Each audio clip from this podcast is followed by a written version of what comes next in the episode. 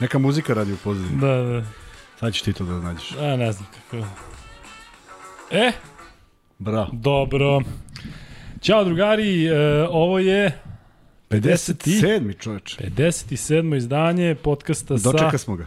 Kuzmom i Mislim, sa posle Lukom. Da. utakmice koja je malo više trajala, malo duže. Uh, ali zadovoljni smo Kuzma, srećni. Ovo je samo još ljuca mogu da sudi u Novom Sadu. E, 95. ajde, e, hoćeš da imamo zaista da pričamo o utakmici iz 97 različitih uglova.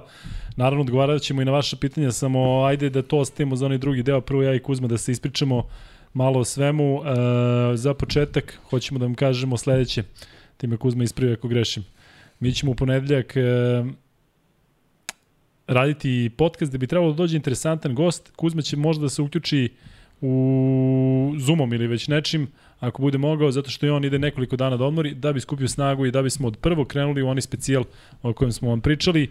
Za sada izvesno da ćemo raditi svaki dan, pokušat ćemo to, jako još uvek nismo sigurni oko sponzora šta i kako, ali um, ponedeljak radimo uh, verovatno sa vrlo interesantnim gostom, uh, trebalo bi da, po, da evo reći vam samo ovo, dakle jedini način da on ne dođe je taj da do tada potpiše za novi klub. Dakle, to je dogovor.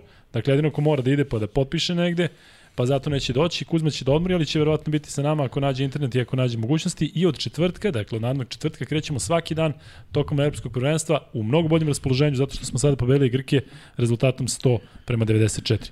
Kuzma? Jeste i druga stvar, uh, ja se probudio jako loše nešto i bio sam da se testiram na COVID, nisam pozitivan na svu sreću, ali ovaj, nalaćem se baš nešto pretrano lagodno, tako da ne možemo da vam obećamo uobičajeno uobičajenu dužinu podcasta, morat ćemo da budemo malo brži i malo kraći, pogotovo što letim sutra u pet, a ne bih želeo baš da idem ovaj, na taj put u potpuno, potpuno bolestan. Tako da ćemo morati malo kraće da budemo.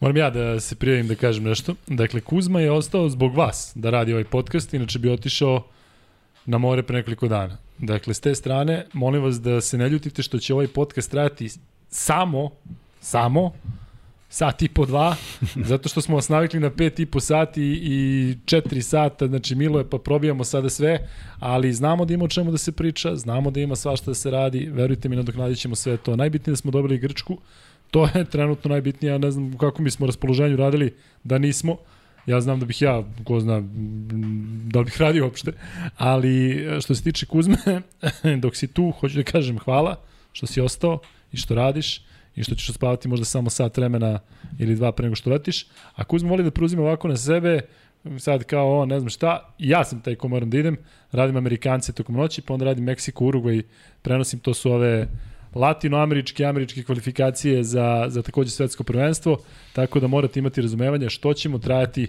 kažem, samo otprilike dva sata. Ono što je jako dobra e, stvar za vas i što smo dogovorili sa našim sponsorima je sledeće, da ćemo tokom svakog dana, radit ćemo svakog dana od 1. do 20. Svakog dana ćemo imati isto free betove. Dakle, to je zaista jedan šmekerski potez e, Max Beta u prevodu, dakle 60 hiljada ćemo vam podeliti kroz free betove, gledat ćemo da, da to učinimo što interesantnim. Dakle, ponedljak gost i Kuzma ako se uključi, uključi Zoomom, vrlo interesantan Mogu gost. i da se ukočim. E, Umeđu vremenu. Da.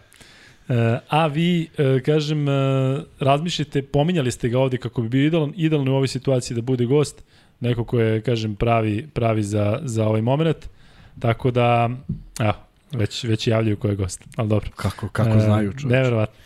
E, dobro, Kuzma, da krenemo e, od te povrede Vasimicića, zato što je to ipak nešto što o čemu svi razmišljamo. Srećni smo zbog pobede, presrećni, idemo na Tursku koja se raspala protiv Letonije danas, siguran sam da ćemo dobiti taj meč posle ovog triumfa, ali Vasa, šta raditi sad? Um, znaš šta, pre svega o, o, na, u najavi ovog podcasta video si da imamo uzvičnik, ali onda i jedan znak pitanja. Da, kako si znao? Mislim, ja razumem tvoje pa, dvosmisleno to kao da, ono, ali pa ti sve zato što ne mogu, ne mogu, ja mogu da se nadam, ali ne mogu da očekujem. Prosto ovde da. izašli smo protiv jedne ekipe koja zna šta hoće, sva sreća nema ih petorica, inače ko zna šta bi bilo i kako bi izgledala ova utakmica, stali su na tri, što je ispostavilo se dobro. I ono što, ono što je problem, ta naravno najveći problem, sve ovo ćemo spomenuti, je Vasina povreda. Zato što smo posle toga videli jednu kombinaciju svega i svačega. I nije to toliko loše izgledalo, ali prosto to je iznuđeno rešenje. ako se sećaš kao Davidovac kad je u Zvezdi stao na mesto pleja, tako je sad Gudura igrao na mesto pleja, pa malo Marinković, pa malo ovaj, malo onaj, svi su nešto smišljali i ne može to da bude dobro, otuda neki neki potezi koji su morali da izgledaju drugačije. Video si, na primjer, onaj brzi šut Gudurića, uh, skidanje Milutinova i opet brzi, br... to je to je zato što lopta nije kod nekoga ko treba da kontroliše to, a je razumljivo je zašto nije jer je Gudurić u tom trenutku playmaker. Prema tome, ozbiljan problem ako vas i ovo predstavlja ozbiljniju povredu. A ne deluje dobro. Svi volimo, ne da, ne, svi dobro, volimo da. da. nešto kao sada mi prognoziramo, ali čimo ne, ne može da se osloni na tu nogu, nogu, tako je. Još je to ona stara tako povreda. Je daj Bože da sa ovim novim tretmanima možemo da ga vratimo, ali očekivati da on bude sad jako brzo onaj stari, to nije previše realno. Ali dobro, meni je jako bitno da smo pokazali da možemo i bez njega. Da li na duže staze to može da funkcioniše tako teško? Da, mislim da ne može da se stalno iskombinuje ovo i gledali smo jednog fantastičnog Jaramaza, zaista vraćam priču iz onog iz onu anegdotu, podsjetio me Miša Dobričan poslao mi poruku dok je trajala utakmica, kaže evo ga, kaže Jaramaz radi sve ono što voliš i tačno E, bez onog pasa iza leđa koji je opet bio neki iznuđen, nije znao šta sa loptom, sve ostalo je bilo majestralno, pa čak je nagrađen i onom trojkom u tablu. Znaš, kad neko igra dobro i kad, kada uloži toliko Tako. truda, malo bude i sreće, prema tome, zaista neko koji obeleži utakmicu, ne računajući Jokića. Jokić je prosto igrao onoliko koliko je želao, mislim da je mogao još. Delo je kao da nema nikog ispod koša kad je tu i zaista... Uh, zaista je bilo uživanje gledati kad mi igramo jednostavno i ono što ja volim sporo. Kako je otvoreno Ali ono naša igra Kuzma, ona prva ono, četvrtina. Ne, ne, ne. I to se odmah videlo. Pazi, ja stvarno nikad nisam vidio da je šest prvih koševa završeno za kucavanjima. Mislim, prosto neverovatno. Nema nikoga u reketu. A, iznenadio nas je Janis slobodnim bacanjima, ali on ne slovi za čoveka koji ta bacanja šutira. Ali sa onih prvih pet. Je tako, što je dao 5 od 5, to misliš? Pa da, da ali zašto je to samo pouzdanje na to zakucavanje. Na zakucavanje, pa naravno. A zamisli da on ušao u utakmicu ovaj, e, sa, sa, sa nekoliko faulova, pa sa dva promašaja, pa koliko bi to drugačije bilo. Tu smo potpuno kiksnuli. Ne mogu da kažem da je tu bilo nekih zgodnih momenata za faul, da se razumemo. Sve to bile jako brze akcije, ali prosto taj prvi korak je razbijao odbranu. Međutim, ono što mi je negde, aj sad potpuno ne veze s košarkom kao igrom, što mi je ostalo upečatljivo, to je dužina trajanja njegovog izvođenja bacanja. Ono je, ono je cirkus. Njemu sudija uruči loptu, on vrati sudi. U neko naše vreme izvoja si slobodno bacanje i samo se sudija okrene i da loptu protivniku. Ono ne može da se toleriše zato što traje predugo i zato što on nije na treningu. Brali su mu u NBA ligi da ide 10 pa, sekundi kad primi pa, loptu, što on stane, pa tapka, pa stane, ali znaš šta mi nije jasno? Ajde na stranu sada pravila. Zar to u ovakvim dvoranama ne može samo da ti napravi dodatni pritisak? Je li buka non stop? Kažem ti, znači 10 sekundi da ti sada se, se, slušaš kako buči sve, Pa nije, on je u nekom svom filmu, on je nešto fokusiran pa, na nešto, nešto izbaci. mi ne deluje, znači, pa, sa onim airballom koji je bacio znaš čega, znaš zbog čega ne razumem? Pa da, ali samo jedan. Pa je. A vidi šta ne razumem. Moment, valjda pravila tako glase. Sudija kad uruči loptu, tu je kraj. Ne možeš da dobacuješ na sudiju. Uručenje za slobodno bacanje znači da sledeća stvar koju treba igrač da uradi je da šutne na koš. Ja ne znam zašto su mu to tolerisali. Zašto je Janis? Vrlo verovatno. Ali mislim da na kraju utakmice onim guranjima protiv uh, Jokića nigde nisu zaštitili Jokića. A da ne pričamo o sudijama, drugi je šalom sudija. Ali samo kratko, uh, da li je zato Pešić apostrofirao ono kada su igrali plavi, beli i protiv Crne Gore da su bile Fibine sudije, baš zato, se, baš zato što se treba navići i na loše suđenje. Ja, vidi, to je malo zeznuto navići se na loše suđenje. Postojiš pitanje zašto. Dorsi je napravio korake, Jeda Tokumbo je napravio korake u posljednjih onih 30, 30 sekundi. Pa ne možeš to da tolerišeš. Prosto to je video onaj što sedi u 452 e, redu i, i vidi. Zato mi nije jasno. Može da bude neka neka nesuglasica, ne može da bude da ti tudi skaže da pogledaš da li je nameran faul. Ne znam da li može da bude sugestija, onda ajde da svako da neku svoju sugestiju, ali da ih potpuno zanemarimo. Da ih potpuno zanemarimo. Jedina misterija za mene je bila što smo primili trojku u regularnom delu, a nismo morali. Naime, vodimo tri i samo sve što treba ne, ne primimo trojku. Ali Kuzma, ali moguće ono da posle Belgije, kada je ne treba pa bio potreban faul zbog e, druge stvari? To su stvari, to su stvari koje mogu da zabrinu zato što će ovo jednom da se, da se okrene naopako. Uh, bio je čovek na lopti, sve što je trebalo da bude neki faul, kakav god, na kime god, neka da dva slobodna bacanja, ali ti si u ozbiljnoj prednosti u tih 11 sekundi sa tim jednim, ovako si u egalu i videli smo kako se završilo. Međutim, sve pohvale, apsolutno svim igračima na jednoj drugoj stvari. Ne znam koliko ljudi mogu da vrate film iz prve četvrtine kako su naši napadači ulazili u igru. Svako je iz prve dao koš ili dva. Dakle, sve su to bile pozicije koje su oni tražili, da, Vanja Marinković, Jokić. Da, kad Vanja prvo dao ono ispod koša. Kad da. je ušao, dakle, apsolutno svaki igrač koji je ušao na parket, on je ušao Jeste. u utakmicu ka, najbolje što može, bez nekog promašaja, bez neke izgubljene lopte. Videli smo kad jurimo u prvoj četvrtini, ne izgleda dobro. I nema nikakvog razloga, zato što odbrana postaje nervoznija kada ih držiš u stavu 20 sekundi, a naročito Jokić, što je a, najlepši primer bio protiv Italijana. Videli smo jednu dominantnu Italiju u prvom polovremenu, koja se rvala sa Jokićem kad god je bilo prilike za to. A onda smo mi preuzeli ritam igre i onda je rvanje bilo 20 minuta. I video si da ni jedan centar više nije ulazio pod koš, nego je Meli uglavnom šetao po postu, nema više snage za to. Dakle, moramo da gajimo nešto što, što nama donosi rezultat, a nama donosi rezultat ovih zadnjih, ovaj produžetak. Uz čast nekih zaista gluposti u dodavanjima, ali to je posledica nemanja klasičnog playmakera. E sad, koja je solucija ako Vasa, ne daj Bože, bude uh, odvojen, ne samo protiv Turske, nego ako je u pitanju i evropsko prvenstvo, nemam nikakvu ideju.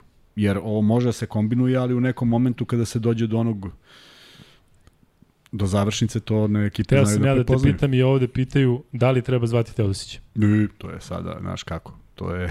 Čekaj Kuzma, ali ako su se Čekam lepo ja. rastali i lepo ruka ruci, ako Pa, nema da. sujete, Vidi, mi sad to, znaš, to smo dobili servirano, ne ruka ruci. Ja ne mislim da je tako bilo, iako podržavam odluku. To smo ono što pričali, selektor donosi zadnju odluku zbog čega, za šta god da je. Ali ne deluje mi da, gde je Teo? Je na utakmici? nije. Pa onda nije bilo lepo. Tu Bogdan, tu ovaj, tu onaj, šta što nije Teo. Znači da je bilo lepo, da on nije u šoku i da nije pogođen i da nije to sve nešto Pa naopako. dobro, tako možda kažeš, zašto je možda je Andjušić bio tu, nismo ga videli. Šta je sad treba da kažemo da je pogođen? Da je Bobio Marjanović, šta je ljut, zato što nije ovo. Pa, možda pa su... moguće, ne znam. Ma Ne, ne, on ne, čovjek otišao veze. porodicom, Nema možda veze, nego ću ti kažem, Teo je sastavni deo ove ekipe.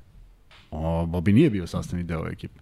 Teo jeste, ali nije sve to sad važno. To sad zavisi od Karija i od, od uh, medicinskog dela koji će konstatovati kakva povreda čeka Vasu. Ono što je loše, što je tu nogu kad je povredio, pa kad smo gledali uživo, bila je mnogo bolnija grimasa i mislio sam da mu je, da mu je meta tarzan na kost, jer ja sam to polomio, pa sam mislio da takva mu je reakcija bila. Međutim, sve je bila blaža reakcija, on je sedeo, nije mnogo, ali nije mogo da stane na nogu, što je potpuno zabrinjavajuće. Da je on malo očepao, da je stao na nogu, pa da kažeš to je nešto što se da popraviti ovako, mislim da, da, da jedva čekam da čujem neku vest koja je direktno iz... Evo javlja Nebojša Milutinović, bili su i Andjušić i Bobi. Pa eto, pa Možda naravno. u pravu, da. Pa dobro. E sad, sve to, sve to okej, okay, ali sad... Znači ne bi uopšte ostavio to kao opciju. Ja ne ostavljam ništa. Može svako da radi šta god želi. Ali da li misliš da je dobro da se sad, evo, se, ne, ne, ajde da ga uzmemo u obzir da on hoće, ovi hoće, da li treba Vidi, reprezentaciji? Vidi, e, da razdvojimo dve stvari i ponovit ću ih. Ja sam protiv toga da se ostrani Teo, bio sam protiv, ali sam poštovao odluku selektora. To su dve podjednako jednostavne stvari, ako neko razume. Dakle, imaš neku viziju, sve je u redu. Način kako je otišao, ne sviđa mi se jer mi, jer mi nešto nije u redu. Jer da jeste, bio bi tu pored Novaka Đokovića. Sad šta raditi i zašto si se odrekao jedinog, jer gledaj, a, mi smo danas imali sastav u kojem se nalazi Lazić. I faktički fali ti jedan bek. Zato što biraš između tri beka. Nedovića, Gudurića i Avramovića, koji dalje u opticaju nekom. To su sva tri do juče, do, do pre do utakmicu povređene igrača. Dakle, dvojica od njih će morati da idu. Jer ja verujem da će ekipa biti 6-6. A kako kažeš Lazić, gde je Lazić? Ma bre, Lazić, Ristić, šta ti Ristić, meni, šta ti meni Lazić, ko je rekao Lazić? ne, ne, Lazić je, gledam kakav Lazić, da je moguće da ga nisam Samo video. da im da li pratiš išta. Kakav Lazić. Znači ja mu kažem šta Ali pomislio sam Lazić. Moram Ne, nisam na Ristića, ali Da, to da. je Lazić, Ristić. Koliko čovjek puta, se da koliko isto čovjek puta tako. pogreši Da, tako. A, i, I sad dolazi do toga da ćeš ti morati da vodiš nekoga ko nije u najboljoj formi. Gudurić nije u najboljoj formi. Teška Ali je muka. bio odličan ovaj Bio je odličan. Bio je odličan da se... to, zato Vanja Marinković, Vanja Marinković. Jesmo rekli, sam ti rekao za Vanju kad je Šerenac rekao ko. E, ali vidi, Svaka mu čast. Ali vidi, i onda odjednom, odjednom onaj šut koji nema nikakve veze sa, sa, sa, sa košarkom. Ali to je sad ono jer je on dugo čekao sad loptu, on sad želi. I a, ta, takvi igrači koji dobro krenu, možda mu pauza na klupi predstavlja neku večnost, znaš, pa, pa nikako da se vrati u nekom istom ritmu. Posle toga opet ulaz, opet onaj promašeni ulaz. Ej, ono je bilo sve vrhunski. To je izašla lopta iz koša, ali prosto našao je najbolji put. Prema Ali tome- Vanjeno mesto u onoj petorci nekako, znaš, imaš MVP-a Euroligije ili finala Euroligije, MVP Da, NBA da, lige, da, imaš da. MVP A lige, Da. imaš Ja ja sam a Lučić je ubeđen. ko MVP Pa ja sam planete. ubeđen da je izgorilo I kažem- polovina navijača i- i, kao de sad njega odigrao je Svaka maestralno, mu čast. tako je, svaka I mu čast. povređeno mu je bilo desno rame, Jest. proverio sam, dakle Jest. desno rame Jest. povređeno. I Jest. to je bilo nekako, Jest. čak je taj e, španski doktor pričao jedno pet minuta koliko je to zahtevna e, povreda. Ja kažem, možda sam subjektivan zato što sam ja povredio rame na sličan način e, i kažem tom dečku svaka čast, zato što on nigde nije pronašao sebe, sećaš se u Partizanu i pominjao se ti kapitensku traku, Partizan u tom periodu je baš bilo ono kada je Zvezda već počela da dominira. Jeste, Ja, njemu je to bilo a on- on, želeo da bude što Pa bolje. Valencija jedna povreda, pa Valencija se ne snalazi. Pa NBA Liga draft, pa, pa Baskonija je gore dole i sada u Ne. reprezentaciji. Daj Bože da mu ovo bude oskočna daska, da u karijeri nastavi, Tako je. nastavi mnogo Tako bolje. je, ja sam ti rekao koliko je on utakmica rešio u tim mlađim kategorijama, najfokusiraniji uvek bio, uvek želeo da pobedi ništa nije prepuštao slučaju, pobedio sam neke Koreance, to ne možeš da veruješ, ljudi koji, koji stanu, ukršteni mnogi, ovako šutne i lopta uđe, prosto ne znaš uopšte da radiš. Priča mi da za, za taj... Ali on to dobio u šutem u A šta si mi rekao, on ili Aramaz? Rekao si mi da su bre momci prva liga obojica. Obojica su, obojica su zato što sa, sa, sa Vanjom sam više proveo i stvarno je prva liga. A Jaramaz je ono što sam ti rekao, ovo što je radio danas kada obiđe igrača pa se vrati pa šutne To dugu ti dvojku. rekao.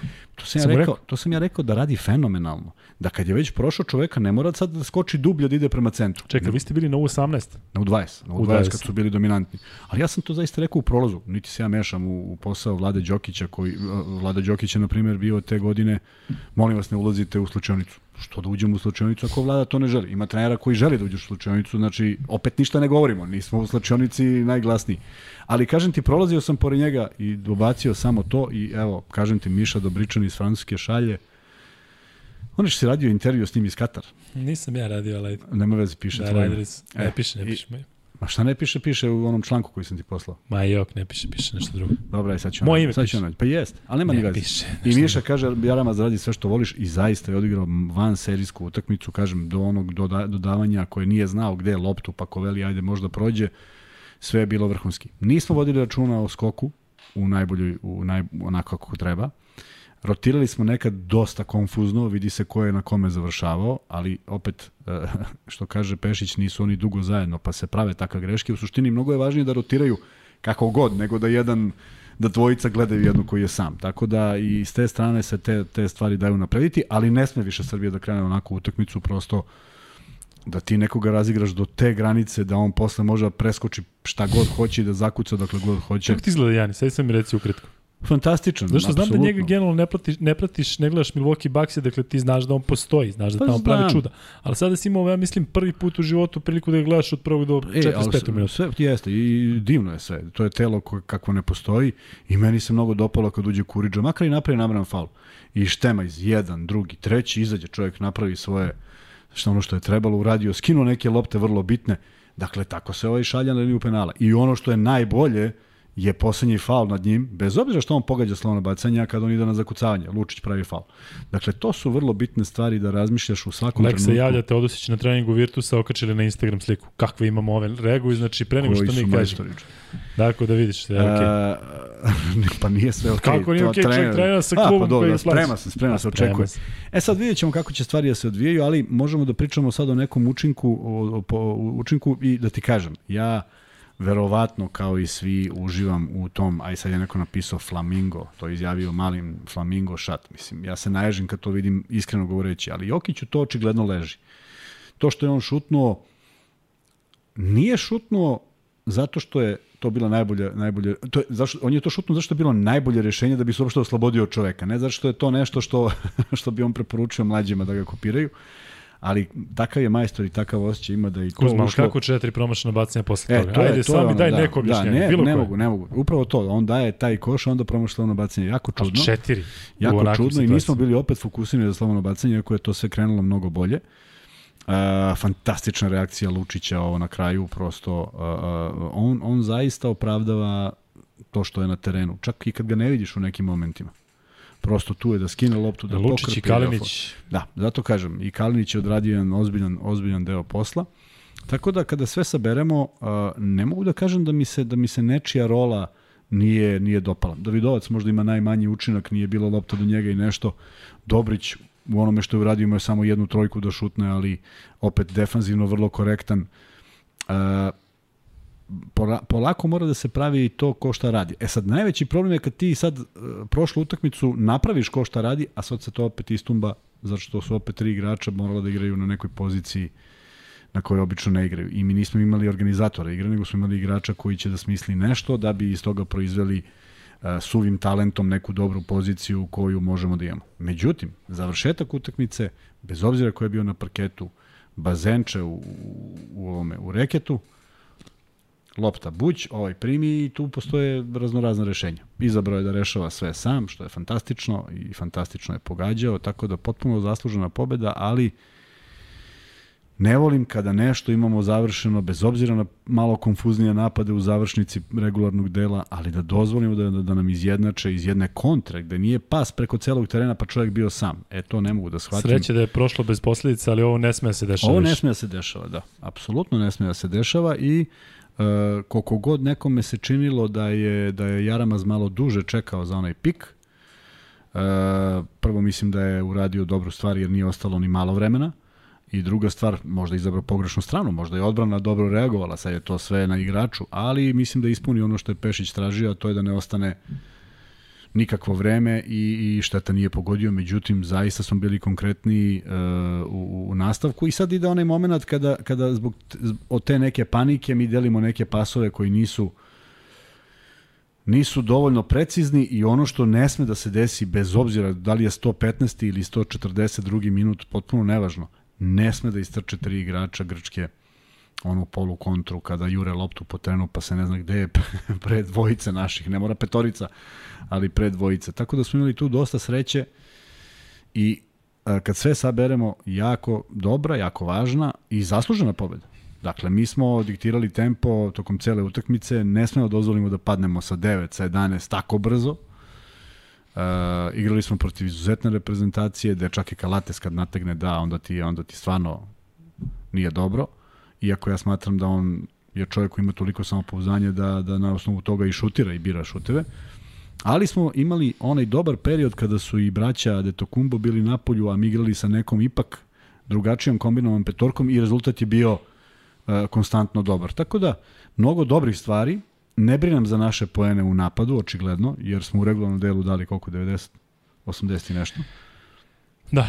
Ali, ali brinem za činjenicu da primimo 25 poena u prvoj četvrtini, bez obzira smo dali 31, to mi nekako nije naša 87 igra. 87 smo dali u... E, I vidiš, tu se vrtimo.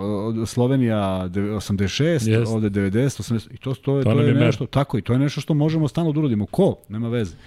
Uz prilično pristojne procente, nisam ih gledao, ali mislim da jesu pristojni, osim što zabrinjavaju slobodna bacanja. Međutim, dozvoliti nekome da od 25 poena 14 puta zakuca, nekako nekako znaš šta nije... razmišljam, možda na terenu stvarno nije moguće zaustaviti jednog čovjeka. Ako ti imaš NBA igrače, ako imaš, vidiš ti Lučić kako je jednom spustio se za kucavanje, dobro kad skačeš iz mesta pa Jest. znaš tačno kako.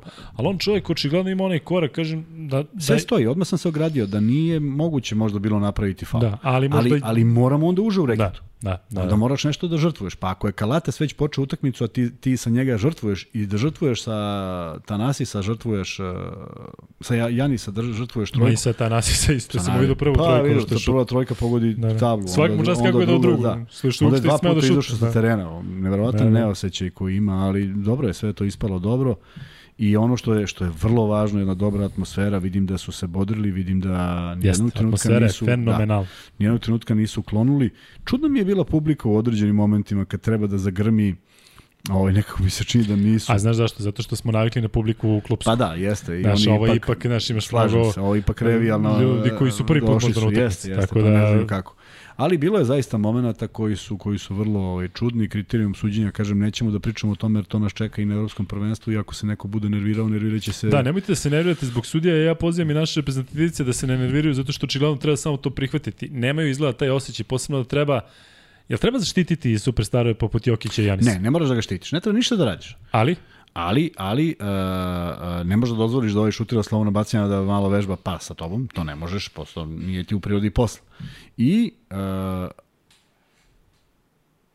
kada Jokić krene pod koš i sa dva igrača se zabode i da i da neki koš i ne odreaguje onda je sve u redu. Ali si video bar dva puta Jokića koji, koji reaguje na nešto što je bio, što je bio kontakt. Ne reaguje on stalno. A mislim da je prihvati on da se sad manje On je u jednom trenutku razgovarao s sudijom, nešto mu je rekao, ovaj mu je odgovorio, on je klimnuo glavom i tu je prestala uh, diskusija. Dakle, ne treba neko da bude zaštićen zašto je došao iz NBA, ali uh, a Ne, ne mislim zaštićen, nego Jokić je jedan košarkaški genije koji zna da izvuče faul koji možda sudija ne vidi. dobro, Dakle, zato govorim, ne zaštićen, nego da budeš spreman da on zna košarku bolje Dobro. od većine onih koji su na trenu računajući te same sudije. mene više- Da više obratiš pažnje na nje. Dobro, pažnje slažem se. Je faul nije faul, pa ti da sviraš zato što mene više zabrine kada ja, Janis napravi nekoliko puta korake, a sudije ne sviraju. To me više brine zato što su koraci, zato što je to povreda pravila i možda budeš Janis ili koji god. Trebalo bi da budu koraci. Međutim, kažem, a, a, sa jednom izuzetno sposobnom ekipom, gde kada su oni, ovaj brat Kostas beše, ili tako? Kostas onaj Kad su igrali, to je zaista mlađi, bilo a viši, panično. a Tanasis... To je zaista bilo panično, sa svih strana su Da.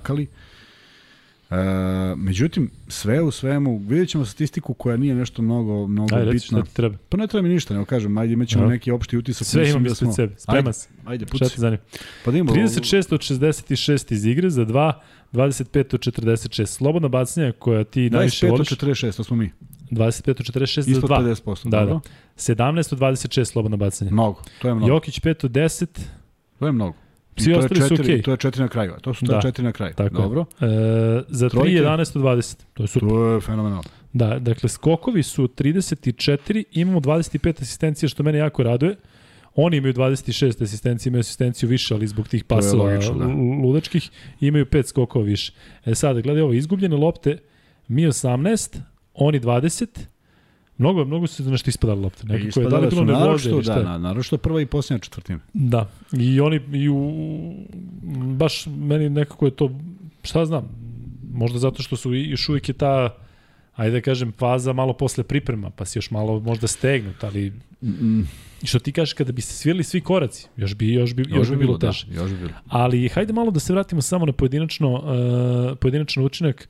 Još malo molim te o Jaramazu. Jaramaz je neko ko ja mislim da je najviše oduševio, što ti kažeš i, taj, i tu, tu trojku u tablu isto zaslužio. Zaslužuje, zaslužuje i da, to sam teo da kažem, ako je, ako je pronašao put ono i u prvom, u prvoj četvrtini, sad pogledaj koliko su to važni poeni kada se sabere na kraju utakmice, kada igramo, igramo egal. A, to je bio šut koji je imao smisla i urađenje, ali Milutinov što je dao koš, to je nama bilo za, za život. Tama nastavi za Milutinova, Milutinova ovde hvali i sa razlogom hvale. je, fenomenalan, stabilan, sve kad je otvorio utakmicu, to je bilo buć, buć, buć, buć. Odbrana, sve kako treba. Sve kako treba, banana u, nad, nad Dorsijem, naša lopta jer je bilo u posljednjoj stotinki, desetinki. Sve je uradio kako treba, skinuo neke lopte koje se kasnije odbile do njega, vrlo požrtvovan, vrlo spreman, vrlo fokusiran, tako da je, Učinak Milutinova za 14 minuta, 12 poena, 4 skoka, da, mene jedna ukradena, jedna blokada, ali što ti kažeš i u odbrani su neke stvari koje se Ma možda nisu da ne, ne kada, se to, kada da. preuzme, kada je tu na strani izuzetan, pomoći. izuzetan. E, molim te da prokomentarišeš e, Jagodića Kuriđu još malo, dakle on je odigrao 6 minuta, promašio oba šuta, ali nekako čini se da tih 6 minuta njegovih na svakom meču trebaju Srbiji. Šest minuta treba da se stane, da se malo smire strasti, da se svi, da on uradi ono što treba da uradi, da dva, tri igrača, da skoči dva puta što je, verujem, uradio, da pokaže jednu čvrstinu, jer on je spreman na to. On je uzeo jedan šut zato što je želeo eto, da, da, da možda najbolje pa je, ne znam, sa desne napadačke strane oko desne noge, fade away, to, mislim da, da nema nikoga. Mislim da nema nikoga teško bi ta lopta ušla. Ali e, e, kad smo kod toga, video si kada fadeaway napravi Janis i isto ozbiljni problemi, on dva puta nije dobacio do da. koša. E to je ono što me izluđuje, ako je tako, pa bolje se odmakne. Pa bolje se odmakne nego se zaleće tako lako na prozor. Uh, u jednom momentu kad je zakucao pored Jokića na samom kraju utakmice, ja se slažem da je Jokić dolazio sa strane pomoći, pa to nije moguće odbraniti. Prosto izbegao ga i zakucao. Ali sve te neke prodore, ako već imamo 12 igrača, pazi, ti imaš i Ristića na klupi u ovom trenutku. Pa ubaciš ga da ga oštema. Mnogo se izražavam bez veze, oštema, Nije, nije, ali, da, ali da. razumeš na šta nisam. Znaš, to je, Znamo i svi, pa znaju lepo, faul, digneš ruku, pa opet faul, digneš ruku, pa ovaj nek vežba, nek vežba, nek vežba do sutra. Ali nema to samopouzdanje, ne igra tako lepršao. E, da li bi vodio Kuriđu pre u 12 ili Bjelicu? Pa treba nam jedan ovakav igrač. Znači sad će neko reći, u, ovo je lud, Da. Bjelica je sto puta bolji. Bjelica jeste toliko puta bolji i igra drugi nivo košarke, ali nam treba neko ovako. Treba nam, treba nam, treba nam i na, ple, na, na poziciji beka jedan takav. Treba nam Lučić koji beskompromisno fali pravi faulove. Treba nam Kalinić koji na tim pozicijama 3 i 4. A nam treba neko i na dvojici. Treba nam Dobrić koji kaže, ok, ja danas glumim ovog. Ili Marinković. Dakle, sve su to momenti koji mogu da po, po, po, pojačaju kvalitet odbrane. Vidio si nekoliko puta ukradene lopte iz puste želje. Gudurić koji pravi dva faula, pa treći dobija iz nekog ludila, to nema veze sa nekom, nekim dogovorom. On je samo krenuo na Dorsija da mu uzme loptu i zaista je uzeo. Tako da to su potrebni momenti gde, gde protiv koga god da igraš nije lako snaći se. Dorsi je za mene poprilično raznačarenje, bez obzira što je on nešto pogodio i stvarno ne znam šta dobijaju. Da pogodio Kuzma trojku, ovo je za produžetak. za produžetak. Svaka mu čast. Za produžetak. E, ba, ali potpuno sam. Pa, sve jedno za šut koji je biti ili ne biti. Nisam, mnogo toga je promašio. Znaš što kažu, da je bio previše otvoren šut. Mnogo dakle, toga je promašio, mnogo toga, ne znam, meni se nije, nije, nije... E, samo se vratim, da, juče e. je bila utakmica, sad potpuno preskačemo da se da mi neko ne zameri, ali ja sam stvarno očekivao Musu da vidim, da vidim o čemu se radi. Nisam ništa vidio. Nema ga dirati Kuzma. Neću da ga dirati. zašto, samo da ti kažem. Mogu, mogu da ga branim. Aj, može. Ma šta možda ga braniš? On je dobio udarac već u prvom minutu. A da je, da je dobio udarac. I to je bio kraj, jeste, u isto mesto, sve stoji. Ali to će mu biti onda problem ja, da igra. Pa tako da će biti problem da igra. Mm. Ja da im sam imao onu povredu vrata, ja ne bih više išao na ulaznik. Verovatno. O tome, sam, da, o tome sam razmišljao. Džanan, prosto... treba, treba ga samo sačekati. Ja sam siguran da će Real da se raspadne sa Hezonjem i sa njim. Zato što nije moguće njih dvojice da funkcionišu, njih dvojice kada, pazi, zamisli tu situaciju, daj Bože za Real, da njih dvojice u jednom trenutku budu uh, zajedno u ritmu što će biti jednom u 15 puta. Jedan kada je iz van ritma, a zamisli obojica da su van ritma što se dešava. Tako da samo treba ti ima, ja, imati razumevanje na te povrede. Ja, ja se razumem. Ništa drugo. Nije nikakav problem. E, I vidio si recimo, ne znam da li si gledao pre toga kada je, kada je nisi gledao sigurno, pre jedno mesec dana kada je Bosna pobedila Bugarsku, Uh, kako je promašio dva bacanja. Video sam i dao Pa je trojku. onda dao trojku, ali videlo se da mu je lakše da šutne trojku s 9 metara nego da se zaleće pa da opet ulazi u neke lakve. Sve stoji. Tako da kažem, samo treba možda sačekati njega, tako da za naše uh, gledalce koji pratao iz Bosne i Hercegovine znamo da ih ima dosta. Samo treba i oni da imaju razumevanje i za njega i za Nurkića. Uh, Crna Gora je zaista odigla juče dobro, ali da taj meč stavimo sa strane. Kuzma, što se tiče uh, Srbije, Šta još što ti se nije dopalo? Odbrana, napad, dakle mi smo komentarisali ovaj napad poslednji. Mi je, napad mi je potpuno. Okay. Nije mi, nije mi završnica utakmice, mi nije dobro, to sam već rekao. Uh, ne mogu da, da budem strog i da pričam u organizaciji napada onog momenta kad je Vasa izašao, jer čak ni Jaramaz nije odmah ušao. Nemam problem kad je Jaramaz u, u, u igri, ali je vrlo mudro Pešić čuvao Jaramaza, pošto je znao da mu je potreban za četvrtu četvrtinu, pa eto ispostavilo se za produžetak. A koje su ti opcije za jedinicu sad u ovoj situaciji? Nema, Vase Micić je povređen pa Jaramaz, nema šta. I dalje? Šta je, dalje. Kada Jaramaz nije tu? Mora da bude tu. 40 minuta da igra. Pa ne, ne, a to je pitaš me za na poziciji 1. Evo, ko će onda da preuzme da prenosi loptu? Gudurić. Dobro. Jel imamo još nekog? Nedović ako se oporavi. Vanja? Može Vanja? Ne može, ne treba. Ne treba. Dobro. Ne treba, uđe u problem, nije on taj koji to vidi. Gudurić je gabaritniji, lakše štiti loptu i u krajnjem slučaju igrao je na, na, na toj poziciji. Vanja to nema iskustva da igra. I ne mora da igra, ne mora svako. Ne, ni Dobrić ne voli da igra to. Pominješ Nedovića, kako ga vidiš da se uklapa sad u ovo? Da li ima svoje mesto? On u nekom svom najboljem izdanju prodređen kolektivu sa dobrim izborom šuta, zašto da ne? Ali na račun koga?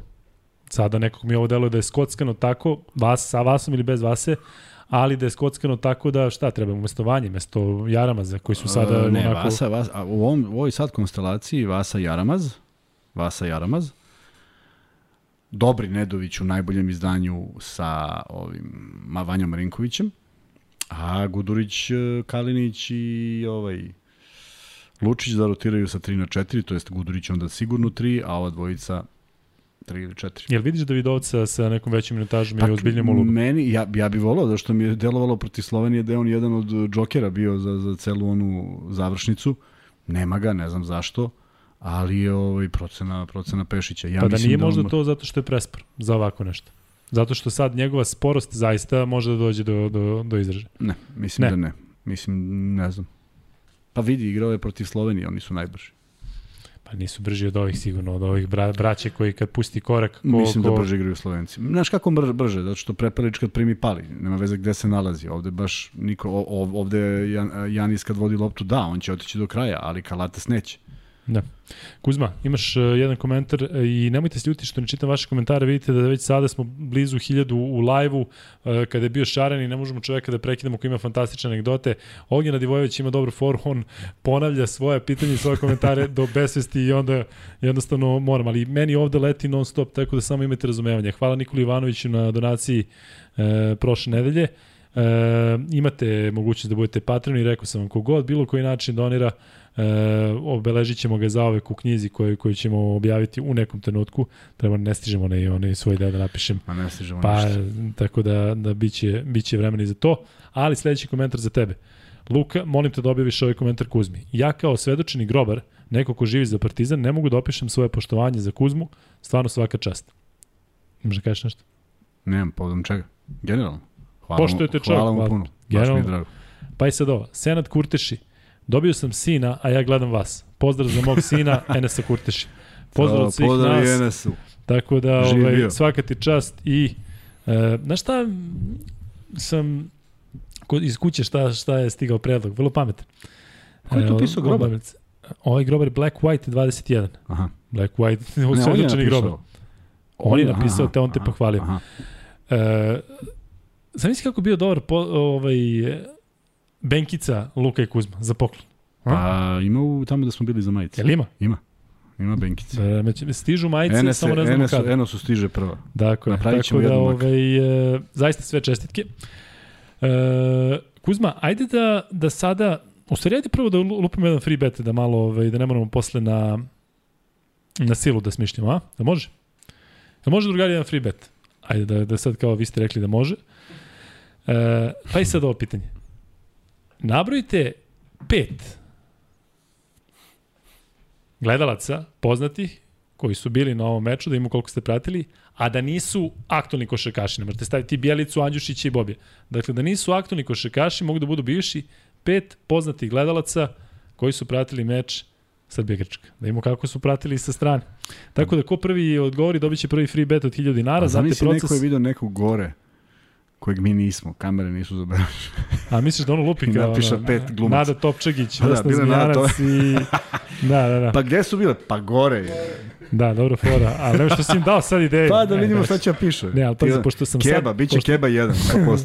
Ne, pazi, pošto sam sad već rekao, sad mogu da se, da se zezam, ali na šta mogu da stavim? Čekaj da, da stvarno nekome ne, da, ne dam foru. Pazi, staviš Novak Đoković, Srđan Đoković, Stefan Đoković, Tako je, to je već tri, pa Tako je.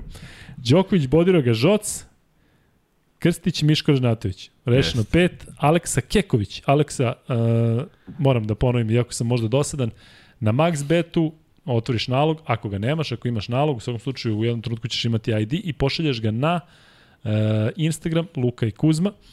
Uh, stižu sada stilni, slušaj Stani Olio, Brad Pitt, Nole i Jole.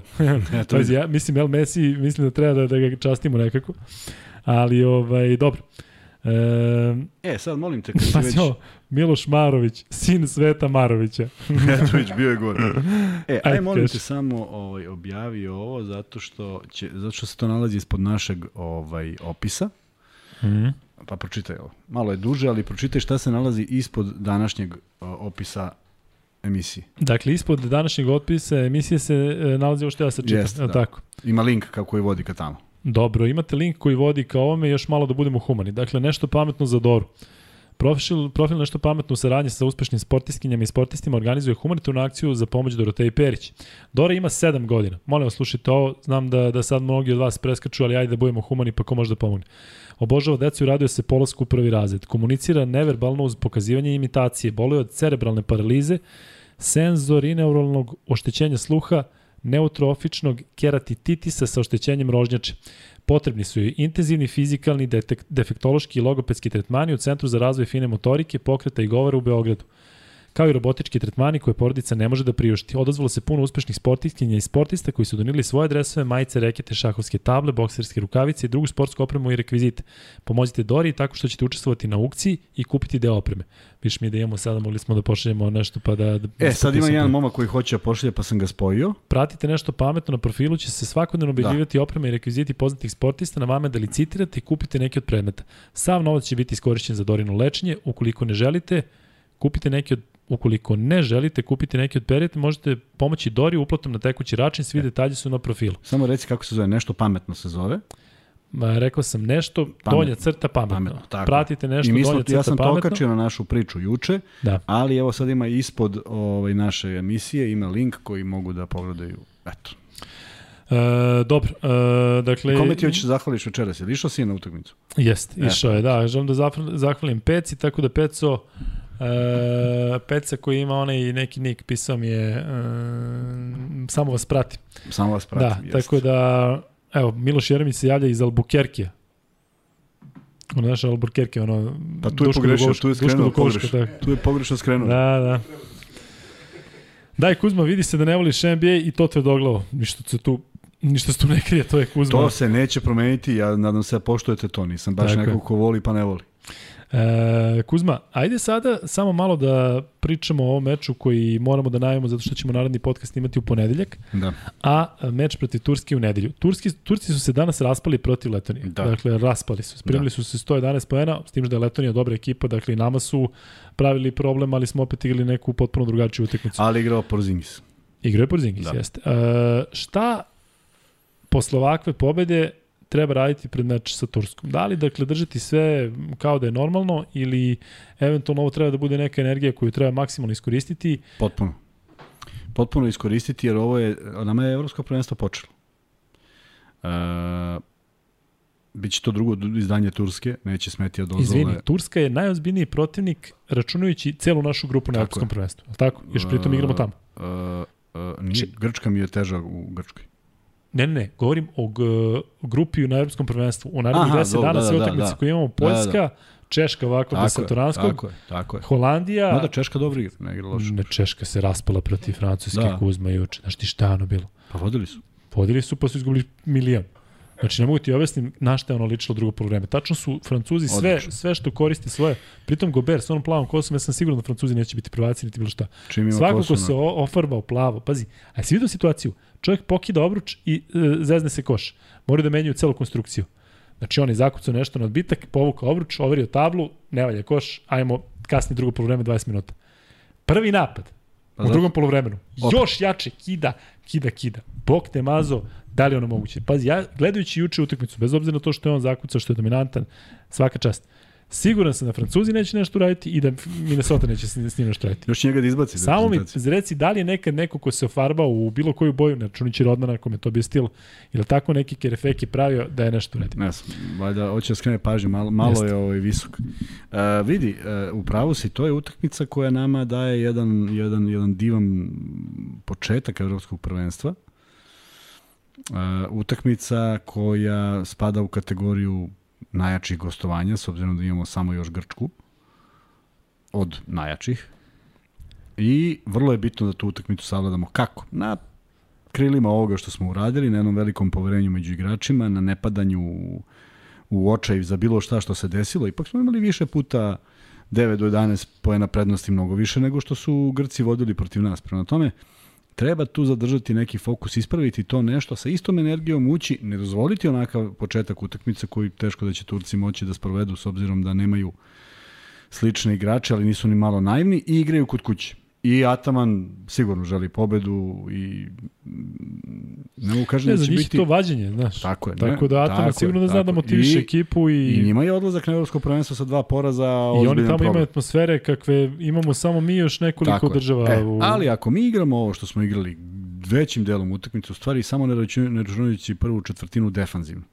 Prva četvrtina ofanzivno je bila poezija. Svako je ušao u šut, svako je našao poziciju, svako je dao, svako je otvorio, ali 14 poena primiti ili 12. I zakucavanje je malo, malo mnogo, bez obzira šta se dešavalo. I malo smo im dali samopouzdanje. Ja verujem da će reket biti puniji, ja verujem da će vrlo slična petorka izaći na parket, jer je ovo bila možda i najpotencijalnija petorka, je li tako? 31 poen smo dali u četvrtini, ne verujem da 31. smo u nekoj dali više.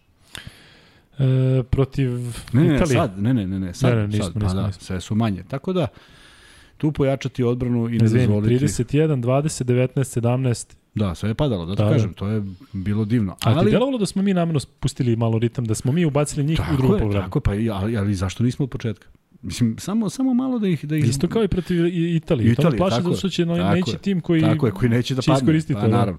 Tako da ne smemo mnogo puta ponavljamo iste greške, a italijanima smo isto od 53 poena, pa ja ne znam, oni su dali 33 u drugom poluvremenu. Ma oni su bre, da ne kažem šta su bre. Dakle, kad Pa ti jesu podseka, uvek, ja ali- volim i zbog energije i zbog svega, ali ne volim to.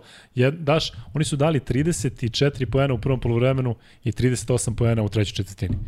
I o kakvom mi ekipi pričam? Govori, O. jel govoriš o Italiji protiv nas ili juče? nas, protiv nas. Ne, ne, ja govorim Italije juče protiv, protiv Ukrajine. Aha, a, da, da, i gubili su 15. I da, slično je kao protiv nas, samo što Jesu. su zamenili poluvremena. Zamenili Protiv poluvreme. njih su bili, znaš, Pa da, ali i to dolazi do nekog iskustva ukrajinske ekipe koja nije, ne može se porediti s našom. U svakom slučaju ovo je već, osim Slovenaca, tako, treća pobeda u nizu, dovoljno sigurna, ne baš da smo mogli da se zakunemo šta će biti u produžetku, ali opet uh, izvući naravoučenije. Iz pobede se izvuku stvari. Zamisli kako se, koliko, nije, samo da se iz poraza izla- izlače pouke, nego iz pobede. Prosto ne smemo da dozvolimo Ako vratimo film i da smo dali i trojku i dvojku u, poslje, u posljednjim sekundama dve četvrtine, što nas nagradi, i, i, i ova, i trojka a, Jaramaza, to je osam ozbiljno teških poena. I bili smo u egalu. E, zato moramo više da cenimo to kad dajemo takav koš, da ne primimo tako nešto, da presečemo tu kontru kogod da vodi loptu. Ma nek bude najstopostotniji izvođač slovni bacanja, on će dati dva. Ili će možda napraviti neku kombinaciju da promaši, ili će šta god. Ali računati da će Dorsi ili bilo ko ko je dovoljno sam u ćošku da promaši je najmanje verovatno. Mislim, A šta me, zašto sam se uspančio? Zato što me to podstilo na Partizan Bursa. Dakle, vodiš celu utakmicu, Da, da, da, da, dobro, i ovde dođe do kraja. i onda trojku primiš, mislim da ćemo u produžetku da pa, padnemo i zaista sam Ne, oduševljen kako jest, smo odigrali. jest. Otvorio Dakle, Kalinić dvojkom, pa onda odbrana, pa opet, tako da sve je to išlo kako treba i dobre odluke na kraju. Dobre odluke i faulova, i e, slanja na liniju slobodnih bacanja, i lopta u reket do besvesti, i naravno taj magični koš. Je se on desio u produžetku? Koji? Ne, ne, ne. Jokić je Onaj, onaj Onda je ovo, Flamingos da, je... Flamingo, e, onda je ovo sve što je on radio, ubacivo ovoga Janisa do koša, ubacivo, ubacivo i gradio i zidao i svaka mu čast. I delo je da još ima svežine, to je nevjerovatno. E, Kuzma, ti deluje da podižemo formu? Kada pogledaš Sloveniju, kada pogledaš e, Italiju u jedno polovreme, kada pogledaš Nema, Nemačku od početka do kraja i kada pogledaš sad ipak najozbiljniji Mnogo protivnik. mi je, jeste, ali mnogo mi je izgubljenih lopti. Mnogo. Mnogo, imali smo ih u serijama. Imali smo one momente kada mi umesto samo damo koš sa 9, da odemo na 11, pa oni brzo, pa mi na 13, mi promašaj, promašaj. Da, i nisi imao nekog na koga možeš da upreš prstom i kao recimo ono, Ne svi su na Nedovića, oni je. sve ispromašili. Ne, Ne, ne ne, nego su baš ne, svi su, tako je. baš i Ali igra to ti je kažem, nema, nije bilo komandanta, što je, kažem, razumljivo. I ostao mi je taj brz Gudurićev šut, šut skida uh, Milutinov. Nije u poziciji da ga odmah vrati. Po zidu je onda još, još 10 sekundi zide, što zidaš još sekund. Šutne. I sad zamisli koji je položaj igrača naših. Svi su stajali van, van jer su se već vraćali posle promašaja u kontru, onda je on šutno, nikog nije bilo ni da skine loptu. Dakle, samo te neke stvari malo da Ali ipak koordiniš. e, treba imati razumevanje posle Vasine povrede, to mora da utiče na ekipu. imam, ma, e, imam ja sva, sva razumevanja, uopšte ne mislim da je ovo smak sveta, nego samo kažem šta treba uraditi baš zbog toga. Svesti broj tih grešaka na neki minimum. Čudnih pasova, kao da se igrač ne oslobodi pa primi široko, pa smo imali dva, tri puta presečene lopte u kontri 1 na 0. Znaš, to, to, to ne sme da se radi. To, pro, prosto bolje je zvizni, nego bolje je drži kod sebe nego da, da nekom daš. Turci isto igraju na, na, na tu brzinu. Imaju brzo Nek, Gosman, imaju nek, brzo. Korkmaza, dakle imaju Nek. neki igrač, ovaj Šengun koga možda koristi ili ne, je pokretan centar, dakle oni isto idu tako na oruk. Br, br, br, pa Neka 8 ide. serija, 8 Ma ovo. neka ide. Zato kažem, treba, treba Ali samo treba da da imamo nekog umrtvimo, pametnog ko će da seče faulom, ko će Stalno da... seći falom. I to mora bude direktiva stalno. Dakle, ja, ja ne mogu sada da znam i želim da verujem da je Pešić i vikao faul i da su svi znali da treba faul, da je ovaj prosto zakasnio. Ajde da kažemo da je to. Ali taj, taj, taj kontakt mora da bude da ga ti želiš. Naravno ne da ga ubiješ da dobiješ još i nameran faul, ali ne dozvoliti da on dođe iz pozicije sa leve odbrambene strane, jedan, dva driblinga i pas u suprotan ćošak, to je zaista mnogo. Pitaju ovde da li ja prenosim Tursku, Srbiju ne prenosim, taj dan prenosim Belgija, Grčka, a moram samo kratko da kažem da sam danas prenosio Srbiju, ali devojčice od 16 godina koje igraju u diviziji B i obezbedile su plasman u polufinale i mogu lepo prenositi svoju reprezentaciju bez obzira što je na tom nivou, tako da sve čestitke njima, Biljani Stanković i želim im da budu naravno među tri i da prođu u e, da se vrate u diviziju A gde je naravno i mesto. E, Dejan pita da li mislimo da su puštali Anisa za kucao kada je bilo očigledno da će zakucati. Naravno, još samo bi trebalo da bude... Tako je. Ali video si onaj moment kad je on blizu koša, to je jako teško zaustaviti. To ne možeš da ga blokiraš. Međutim, kad je dobio loptu malo dalje, ovaj, na kraju utakmice je Lučić upravo to uradio. Zaustavio ga je ozbiljno jakim faulom i... Jer vidi, teško će Janis prebaciti i osetiti da se nešto približava pa će prebaciti u ruku da položi. To je, to je negde ovaj, minus takvih igrača koji samo idu na zakucavanje. Znači, ako ga dobro opališ po ruci, ta lopta neće ući. A video si Jokić, on i kad krene sa bilo koje strane, ako oseti da dolazi neko s leve, on će da izbaci desnom, ne ide po svaku cenu da zakuca. I bilo je vrlo interesantno onaj moment kad je, kad je Lučić napravio fantastičan pokret. Kad je izbacio odbranu zakucu, mi smo istog sekunda primili zakucavanje Janisa. E to su stvari, znaš, mora ga pošalješ na, na, na liniju penala, moraš nešto da uradiš, moraš da imaš fokus da, da ne sme da vrati isto meru. E, pitaju te da prokomentarišeš Dobrić.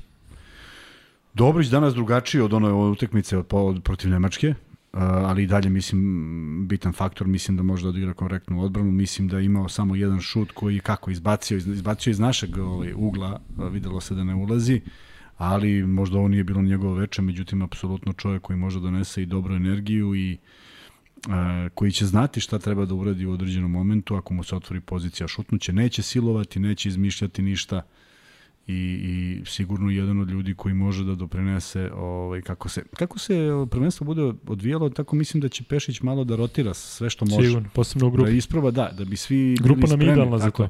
Da bi svi bili spremni za neki taj da imaš što više raspoloživih igrača. I ovde je dobro što su manje više, vidio si koliko tu ima nekih pretumbavanja od Marinkovića koji je starter, Gudurića koji sad igra više minuta, a nije ulazio dva, verovatno se zalečila povreda, nije ulazio dve utakmice, tako da dobijamo da, da, da sve više igrača može da bude konkretno u onom delu posla koji treba da radi. I ne mogu svi da rade isto i ne treba svi da uzmu šut kad pomisle da treba, nego treba da nađu najbolje rešenje.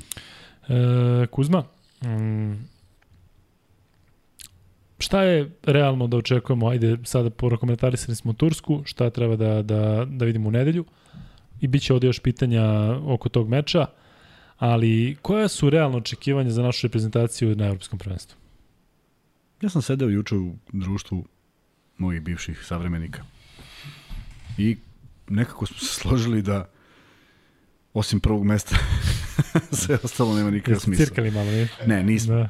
Ne, nismo. Ovaj, e, naravno, kada pričamo tako, pričamo o kompletnom sastavu. E sad, kad ti se desi nešto ovako na ovoj utakmici, to je jedan korak unazad. Uh, opet, dovoljno samopouzdanja da tako mislim, mi daje činjenica da kad mi igramo našu igru, ovi naši momci su nezaustavljivi. I, i, i kažem, mi smo pravili od 9 do 11 i šteta što nikad nismo otišli na 15 pitanja kako se jedna ekipa vrati, jer onda malo krene soliranje. Ovako smo i stalno vraćali u život nekim našim greškama. Koliko ih mi budemo ispravili, toliko ćemo biti moćni. Ali, ako mi uz dva MVP-a sad ne ono kao nisu MVP, ti znaš šta ja mislim o tome vezano za srpsku košarku, ali ako oni igraju najbolju košarku u svom životu i ovdje imaš mahom igrače koji igraju najbolju košarku u svojim karijerama, ne vidim zašto bi strahovali od nekoga i ono što je vrlo bitno, samo da se zna ko šta radi.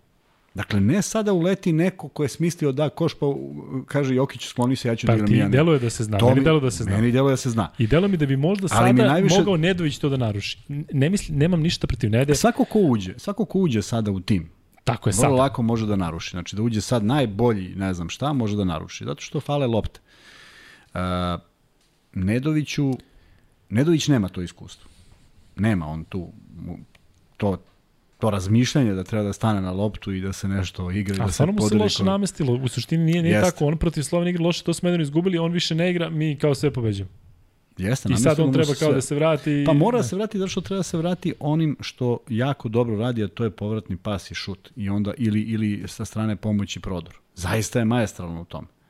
Ali ne da on drži loptu, ne da on vodi loptu, ne da on asistira, prosto pre, prepustiš to nekom drugom. Tako da kad imaš dobrog igrača, on spada u red dobrih igrača, nije teško da, da ubaciš u, u sistem. Međutim, samo je bitno da on shvati da će njegova uloga ne samo od, od sledeće utakmice ako bude igrao, od evropskog prvenstva, nego cele sezone biti drugačije.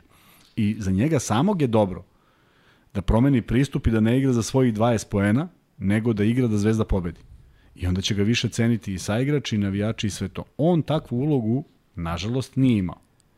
A da li može da je dostigne, to će vreme pokazati. Ja, ja bih želeo da može. Kuzma, imaš malo još o Jokiću. Ono što mene raduje, ovo je onaj Jokić iz NBA lige. ja sam, se, ja sam se nekako pitao da li će on moći da ono što radi za Denver i kako igra, da prebaci ovde. Ovo je apsolutno njegova NBA statistika. 30 minuta, 29 poena, 9 od 13 za 2, 2 od 3 za 3. Bacanje ajde da stavimo na stranu zašto će se to sigurno promeniti 5 od 10. 8 skokova, 6 asistencija i 6 izgubljenih lopti što se e, neko podrazumeva kada imaš... Tih 6 je ne samo što je problem što je 6, nego što si rekao kako u NBA. E, ovde uži teren. Znači, te lopte mogu da prođu. da. mogu da prođu u NBA. A, ovde pasuju mnogo je usko, drugo, ako ga čuva Janis, a Kosta stoji tamo, video si kako je preseko loptu, nije se ni pomučio. Dakle, samo da mi skratimo nešto što ne vidim zašto bismo mi igrali pretarano brzo. Evo, uh, tri lopte u direktnoj kontri nisu prošle. Da jesu, šta dobijam? Hoćemo sačekati Jokića da dođe, što bi po meni bilo potpuno logično. Pa čemu onda tamo? Pa ja razumijem 1 na 0, pa neko istraču kontru, pa se to desi jednom u, u, u 100 pokušaja. Ali prosto, deluje mi da smo najmoćniji kad je svako na svojoj poziciji. Jokić kad uzme po svoju poziciju, Vasa kad vrti oko njega, Jaramaz koji, kažem, ponavljam, majestralna partija, Gudurić koji čeka sa strane pomoći, e, Marinković koji čeka sa strane pomoći. Sve su to pozicije. Zini, javljaju ovde da se pojavila slika da Vasa staje na nogu, da se oslanja. I da su pozitivne kao prve, prepao, prve dobro, stvari su da, pozitivne. Prve se prepao reakcije. i on i to naravno kad ti se Svi desi se dva prepali, puta, da. pa da, kad ti se desi dva puta u par meseci, naravno da nije dobro. Za mene je najveći uspeh na stranu, sad mi možemo da pričamo o igri do preko sutra. Nećemo, ne brini. Hvala ti, hvala ti puno. Ali dve najbitnije stvari, reakcija Srbije posle Micića, I zato što smo mi dobro završili prvo vreme. Mi smo prvo vreme završili jesmo. istom energijom. Dakle, znaš kako sam, pa i hiljadu puta se desi, povredi se neko, sve krene da se raspada, posebno neko tako bitan. I kažem ti, taj produžetak, posebno ako uzmemo u obzir da smo mi gubili bitne završnice. Sećaš se Letonije, sećaš se Belgije, sećaš se Slovenije u produžetku. Vrlo slično, delovalo je vrlo je. slično da ćemo, da ćemo ovaj, ponovo uraditi to, međutim mnogo konkretnijih 5 minuta i video si bez neke naročite žurbe. To je ono, mislim ja dosadan sam s tim, ali ja volim da svako zauzme svoju poziciju. Video si Milutinova kad zauzme svoju poziciju i video si Milutinova kad dobije neki pas na koji nije naviku. Prosto da. Kada, se vidi kada, da... pa to je to. On je uhvatio, on je uhvatio jednu loptu na početku utakmice koja nije bila njegova. Znaš kad je ušao u igru, pa dobio neki pas u zemlju. To se sa Milutinovim ne radi. Ne zato što je on ne, igrač koji ne valja, nego prosto nije navikao to da radi. On voli da se pozicionira, dobije i kad god se pozicionira i dobio i na zid od četiri driblinga, on je dao koš. Ali svaki put. Tako da treba koristiti sve ono što znaju, ono što ne znaju, ne treba ni da pokušavaju i to je onda mnogo jednostavno. Ti delo nekako da bi možda Stefan Jović u ovoj reprezentaciji baš dobro došao kao neko ko stane na loptu, neko ko ipak igra tog pleja, koji nije generalno neko ko gleda ka košu da recimo kada je Vasa tu, a da kažemo da je Vasa, imaš jednostavno što ti kažeš previše lopti, a Stefan Jović nije taj koji bi gledao sada da on da 10 pojena ili 15 on bi mi, on bi mi bio, on bi mi bio idealan ovaj, kada, kada u defanzivi krene da maše onim rukama da. raspona 100 metara, kada stvarno nekog natera da da, da izgubi loptu. Znači on bi na Kalatesu odigrao fenomenalnu odbranu, poznaje ga, pustio bi mu možda i šut, ali kad bi ovaj izgrabio loptu, on je toliko bio dosadan i toliko agresivan, da je mali, mali broj igrača koji zna da pročita govor tela pa gde će na koju stranu da se okrene. Tako da tu bi mi više nedostojao. Što se tiče njegovog napada, on je bio vrlo racionalan. On je one šuteve koji nisu njegovi uzimao kad je isticao napad, ali ako do tog momenta izgradi dobru poziciju, to su bili ili pasovi ili njegove dobre pozicije, tako da sigurno nedostaje kad vratiš film, sigurno nedostaje i Stefan Marković sa jednom jednostavnošću igre Oni koji stari uvek, dobri Stefan koji uvek da. gledao dobrobit ekipe, baš ga bilo briga, uzme šut kad mu dođe lopta, pa ako je sam I, ovaj, i, ali nažalost... Ja, znaš, nekako je, da, lepo je maštati da imaš onog starog Stefana Markovića, Jokića, Teodosića, govorim da, sada ne govorim, ali te ljude koji su genijalci, koji znaju koša, koji drže u malom prstu, znači Lučić, Kalinić, neko da njih imaš na terenu i da se svi e, ovo. I da. samo te pitam, možeš li da zamisliš kako bi izgledala ova ekipa sa Bogdanovićem? Ono što smo ajti pričali, ne, ne, povratni pas. Bogdanović tačno, tačno fali, ne samo povratni pas, to je onaj čovjek koji bi mogao dobiti taj pas u polu kontri i da zvizne bez problema i da krene nazad znajući da lopta ulazi. Znači to je jedan od redkih igrača koji može da igra na tom nivou iz razloga zato što igra na tom nivou. Dakle, nije, ne, ne, bi promenio ulogu, nego to mu je uloga i u Atlanti i čovek um, jako brzo šutira, jako brzo traži poziciju za šut, jako dobro se snalazi on, on bi bio neko ko bi donao ogroman kvalitet, jer mnogo bi teška rotacija bila bilo koje ekipe. Ovako igrači malo vagaju, znaš, protivnička ekipa malo vaga kada vidi da je danas, na primjer, pored Vanje nisu smeli da, ga odvo, da, da se odvoje. Ali čim igrač uđe sa jednim ili dva promašaja u neku nesigurnost i onda, znaš kako se ogleda nesigurnost, onda si sam pa ti fintiraš, u, onda si u ozbiljnom problemu kako će odbrana reagovati sledeći put. Uh, tako da psihologija mnogo je bitna i kažem zato mislim da smo izdržali celu utakmicu jer su svi igrači ušli psihološki dobro u igru. Niko nije bio u fazonu jao šta mi se desilo, promašio sam sve živo, nego jednostavno lepo su raspodelili lepo sve. su da. raspodelili, tako Dakle, niko zaista nije ispadao da kažeš Ne, nešto ne, da je ne, sad neko. fan, a opet Jokić ima 31 30 pojena, zna se kome ide lopta 31 sve poen i još, još začini što tom trojkom Jarama za koji se fantastično oslobodio i jeste iz desnog driblinga, jeste rotirao telo, ali ima onaj lep snimak koji, gde, gde lopta gde prati tačno iza njega. Videlo se iz prvog, kako izbacilo, videlo se e, da ulazi. Da, ovde je True Teller kaže Jokić 25 minuta, Janis 37 minuta u regularnom delu, jeste. Um, nekako mi je, ajde da kažem ovako, mnogo draže što mi imamo Jokića, a ne Janis. Znam mislim da imamo nekog ovakvog Janisa, to mi nekako on, znaš, ispada sa onim rukama i svega ispada, bode oči jednostavno u ekipi. Baš mi je drago što, znaš, svi govore Jokić, Janis, Jokić, Janis. Ovaj dva puta MVP, ovaj dva puta MVP, dominant, dominantni Um, u, um ali mi je mnogo drago što neki imaju Grci Janisa, a mi da imamo Jokića, kažem, ne, bi, ne bih menjao uh, Jokića za Janisa i za ne znam koga da mi daju. Tako da, ovaj... Ma u trejdu sa trojicom ne bi menjao. Pa to. E, pitaju ovde da li smo videli trojku Dimitrijevića za Makedoniju. Nisam, ali vidio sam rezultat 70-73 da je dobila Makedonija, pa mi samo javite ovde vi koji pitate da li je U, bravo, to je dao momak. Dimitrijević. Ne, ne, da, je što Da, igrao za Juventus, pa je sad ovamo bio u, u Valenciji, Svaka gde čast. u svakom, jesi video tu trojku? Nisam, nisam, nisam. To su predkvalifikacije za, za evropsko prvenstvo. Nisam, ne može sve da se gleda, toliko ima utakmica. Ali mnogo je da lepo kada čudno. krenete. Ja sam čak uhva, uhvatio malo Poljska, Hrvatska, to je baš um, ove kvalifikacije, predkvalifikacije za evropsko. Uh, Hrvatska sa onim timom koji, kažem ti, sve NBA igrači u petorci i igraju predkvalifikacije, što se podrazumeva zato što sad idu u ovakvom sastavu na evropsko prvenstvo. Ali lepo je videti Fibine prozore sa svim ovim Porzingis, Više ovo jednom, Janis, jednom godišnje. Jokić, pa dobro, šta da radimo? Kažem ti ima Pa moglo ovaj, se zove i drugačije. šmeki. Ovako. Ajde malo samo da prođemo rezultate, ti reci ako ti nešto ovde Ajde. e, ti deluje onako... Finska Izrael 79-73, a pritom Izrael komplet, kompletan igra Avdija, vidio sam da Madar počinje sa klupe, e, tako da očekivao sam iskreno tu Izrael. specifična škola košarke, preslikali su NCAA, Ma i svi igrači dolaze, one pa da, dolaze, došli su odande mahom, tako su navikli da igraju, š, što bi rekao Gašo Pavić, trči, šutira i pucaj. ovaj, uh, jednostavno tako igraju, mogu da samelju bilo koga, mogu da izgube, potpuno nevažno, ali oni neće odustajati od tog stila, tako da me ne čudi ako im je bilo veče, a možda i jeste. A Letonija Turska. Kuzma, 111-85, jesi Da, da, stigao? 111 je mnogo. 111 je mnogo, što znači da su i oni posustali bez obzira koliko letonci znaju brzo Izvini, da po igraju. četvrtinama 31-25, 31-24, dakle sve vreme. Da, da. E, sad tu treba, na primjer, pogledati koliko Turska ima faulova. Da vidimo šta su oni radili Da. u odbrani. To je bilo interesantno. Prosto da mi je su... nevjerojatno da Atamanova ekipa sa ipak i i sada Turska je kompletna, ne igra Youth 7, Na, prediš, ali na, na, ekipa koja uživa u 111 pojena, degradiraš košarku do, do imbecilnosti i da, da završi na 70. I onda kad pobede 70-60, oni su nervozni što nisu igrali svoju igru. Ali kažem ti, Ataman zna da uleti na teren, Pa da ne prekine protivničku kontru, dobije tehničku, Morat ćemo pogledamo da nekako mi bismo da. videli. Švedska, Nemačka 50-67. Dobro. Uh, Nemačka sa Šruderom, tako da potpuno drugačija ekipa u odnosu na ono, Dobro. ali ne igram Kleber, ne igram, ne igram neke face iz NBA lige. Ovaj Wagner drugi da li će da se oporavi ili neće. Dakle, Nemci da su kompletni je okej. bili bi sila. Srbija i Grčka smo prošli. Belgija, uh, Velika Britanija 72-57. Moram priznati da ću to da pogledam, baš zato što igramo i protiv jednih i protiv drugih. A vi mnogo pitate da li se mi samo sa Belgijom borimo za treće mesto. Ne. Situacija je mnogo kompleksnija zato što su tu Grčka i dalje, naravno Turska, Letonija, ajde samo da kažemo da je Velika Britanija tu zakucana za šesto mesto. Ne igramo s kim? U grupi borimo se za jedno od tri Aha, pozicije. ne igramo s njima, nego samo ne borimo. igramo, ne, da, nego da, se da, borimo u smislu da, da. pobede i poraza, Da, da, da. tako da mi moramo da pratimo malo i drugi rezultate. Daj, Tako. Bože da dobijemo svih. Navijamo za Britaniju protiv Belgijanaca. Tako je, no, Belgijanci dobili su ih danas, tako da ne možemo više da navijamo, Ne, kad, ali kad u revanšu. u Britaniji. Idemo da gledamo, idemo da, da gledamo.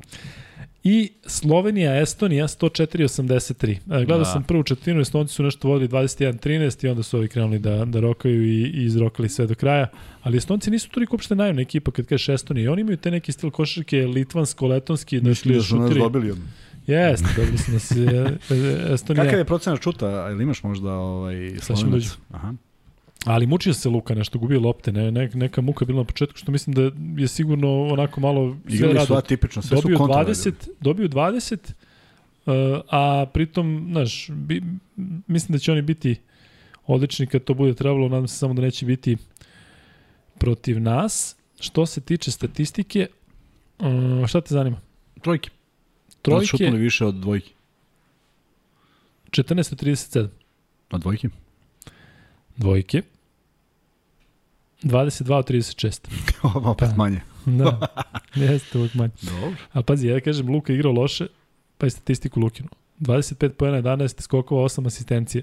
Da. Ali kad ti gubio nešto loptu, pa onda napravi nešto, pa promaši zice, da, u prvom problemu, bar što sam ja gledao u nekim pauzicama, je bilo ovaj, e, bez veze. da. E, ali vidiš ti kako su te zvezde, pazi, vidio si Janis koliko da, evo Dončić, e, Jokić, nekako ne primetiš ih Oni odrade svoje... Zamisli kad tek igraju dobro. Ti ne možeš da kažeš da je Jokić večeras briljirao. Znamo da on može bolje od ovoga, tako? A zamisli kako to izgleda kada Jokić doda gas, pa možda ima i veću minutažu i više lopti dobi.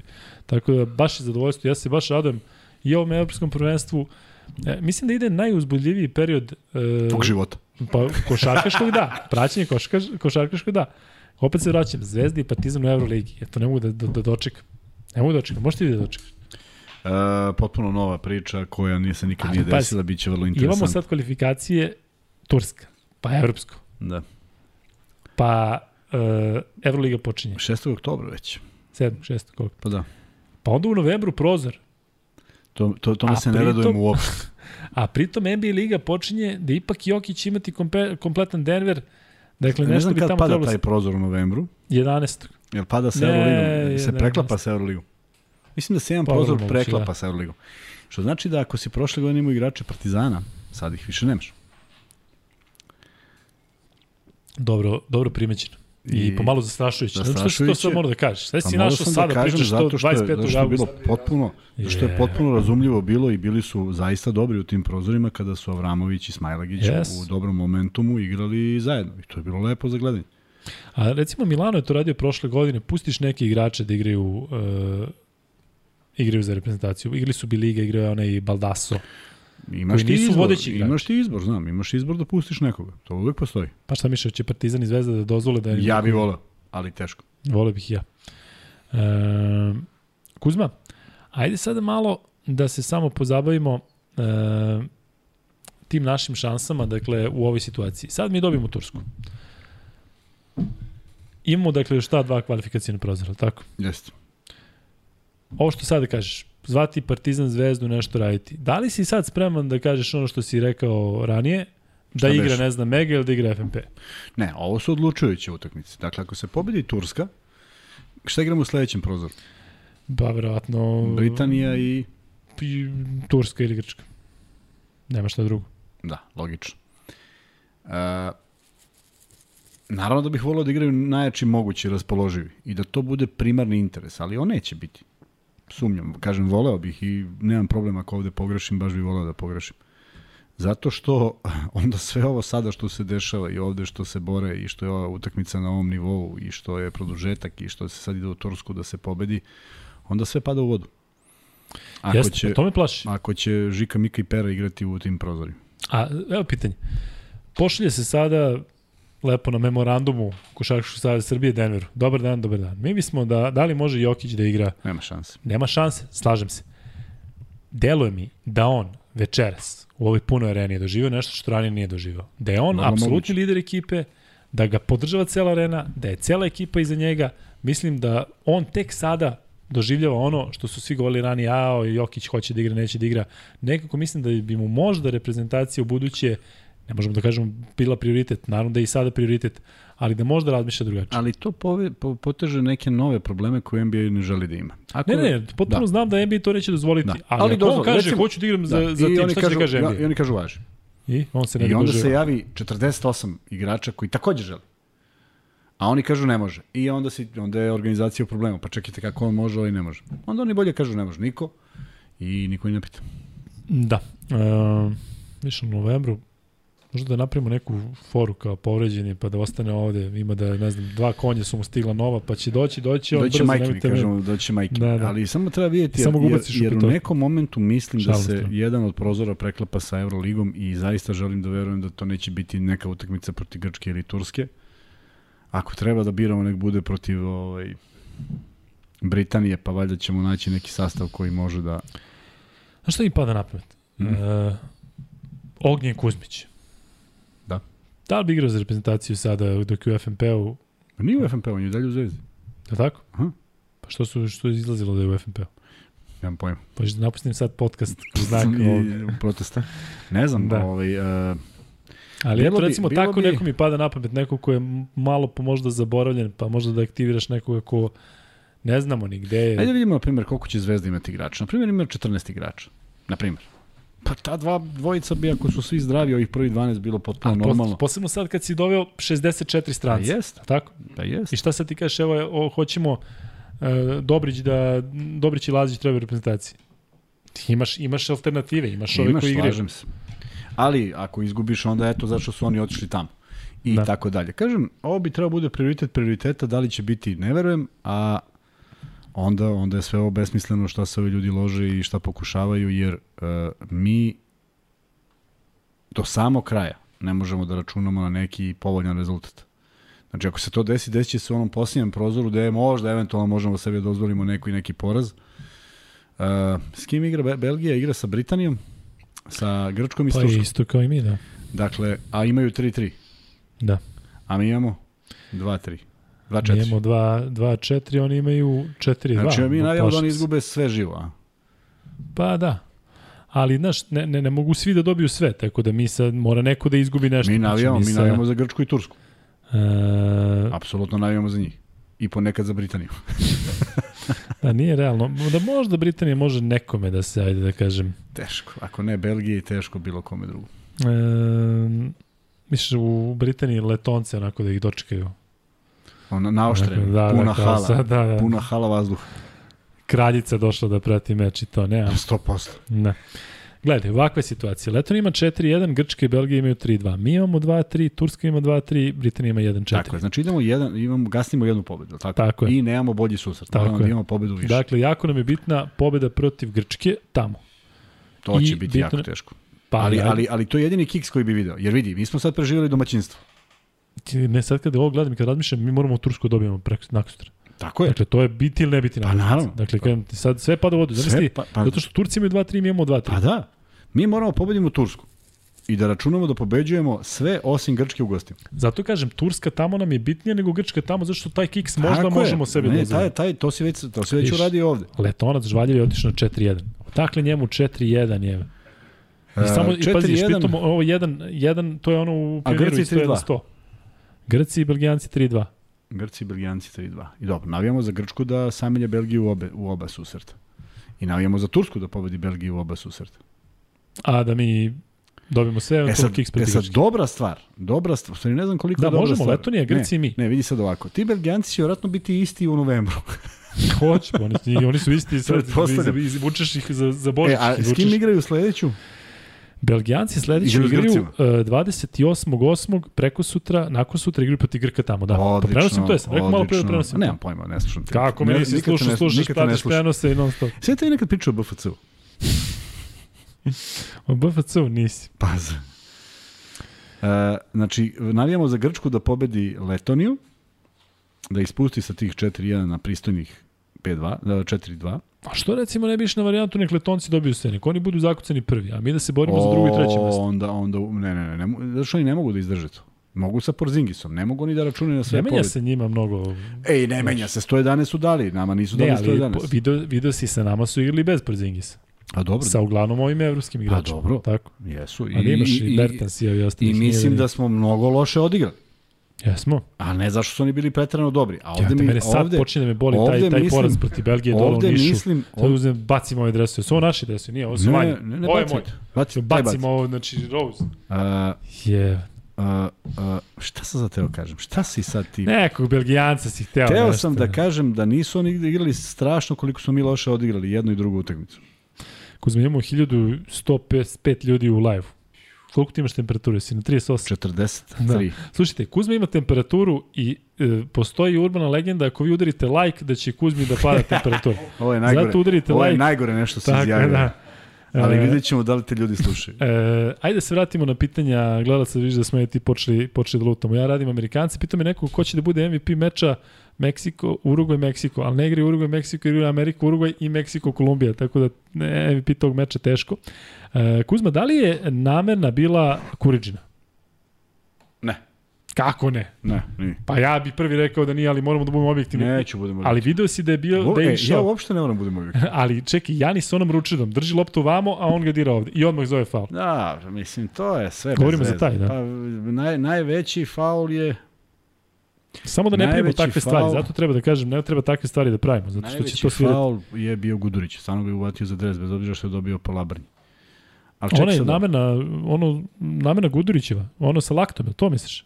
A? Misliš na lakat kad je dobio? Da. Ne. E, sad ovde kaže Vladimir Milenković, kaže se, sve penale za Grčku izveo Janis, što jeste veliko, jel sve penale? Možda i sve, Ne, veze. sigurno se. Nije, naravno. Mišljenje o Pešiću večeras, bez tehnичke, ja mislim da je svaka odluka bila na mestu. Time out, izmene, faulo i pritisak na sudije. Ja zaista mislim da je on a, od momenta kad se Vasa Micić povredio, do tada je sve išlo normalno, sve je išlo po nekom planu, ali sad ti kad moraš da Čekaj, poredi... čekaj, Kuzma. Sve penale za Grčku je šutno Janis. Pa eto, Pa da li je moguće?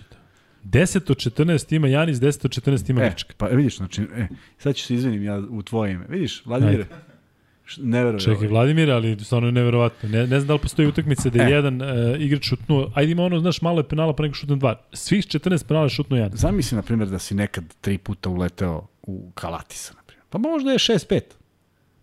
Ili Larendakisa, koji ne igra Pa baš na ovom nivou. Zakisa uletiš u bilo kog antetokumpa? Bilo kog. Znači sad vidiš Tanasisa, jednog kogod, Tanasisa kao samo da... ih prepoznaš pa, pa, negde u. Priđeš, lupiš mu šamar i mora da Ja ide ne na znam da li znamo kako Tanasis šutira slovno bacanje. Ne znam da li sam ga video ikad. Života Pa imao. Znači, to, bilo, to je bio debi njegovih penala. Ne Tanasis, nego Kostas. Uh, A on nam zakucao. Da.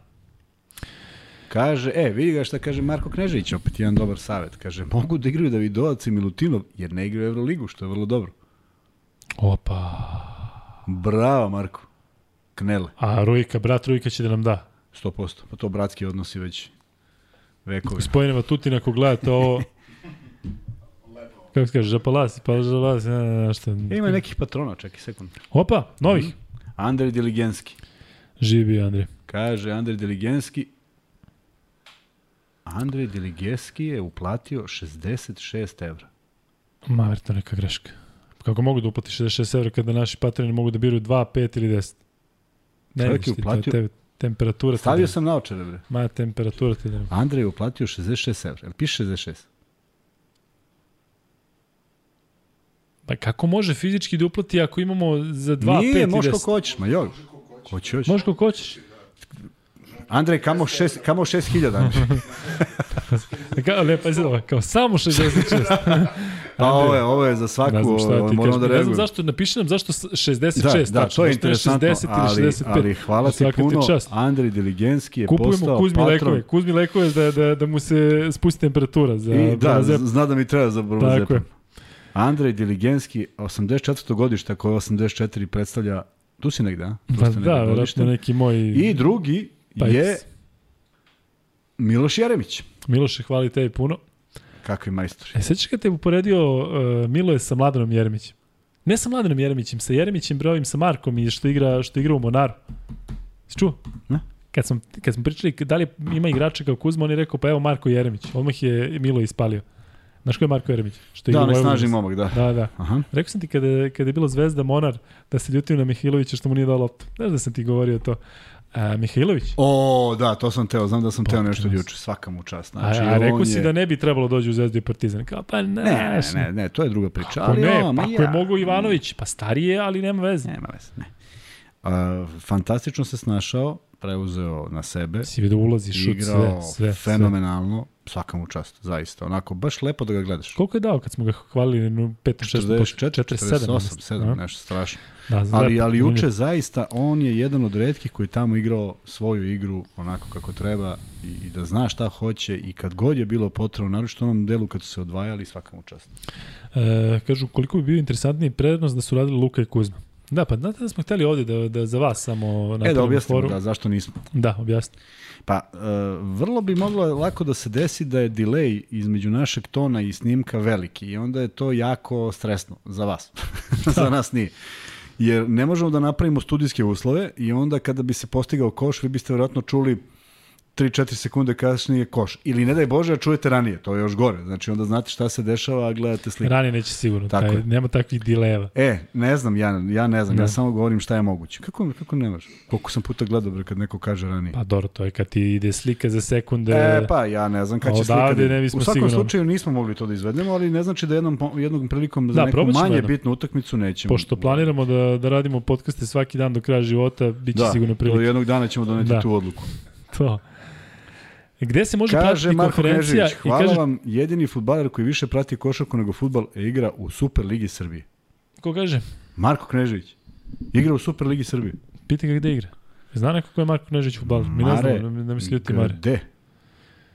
Sutra na Novo S u 8.30 pričamo o futbalu. Tako da u sutra ko hoće da uključi Novo S da me, čude, da me čuje kako pričamo u uglomeru o futbalu, ovaj, slobodno. Slušaj šta Da da šta je napisao na Twitteru. Ovo mi šalje ovo mi šalje Vladimir Nešović. Samo ako je nešto za nas. Pa za nas. Šta kaže? po znacima navoda, ukrali mi Marina i stavili ga na TV od 18 pa do evo 23.30. I posle kao podcast sa Lukom i Kuzmom gde sam gost, pet i po sati dugo traje. pet i po koni pet i po je. Da, da. E, pitaju gde se može pratiti konferencija koja je sad već uveliko gotova, to je pitanje od ko E, zna kad. bio je I kaže, čudi me nešto od. Čuješ ti mene?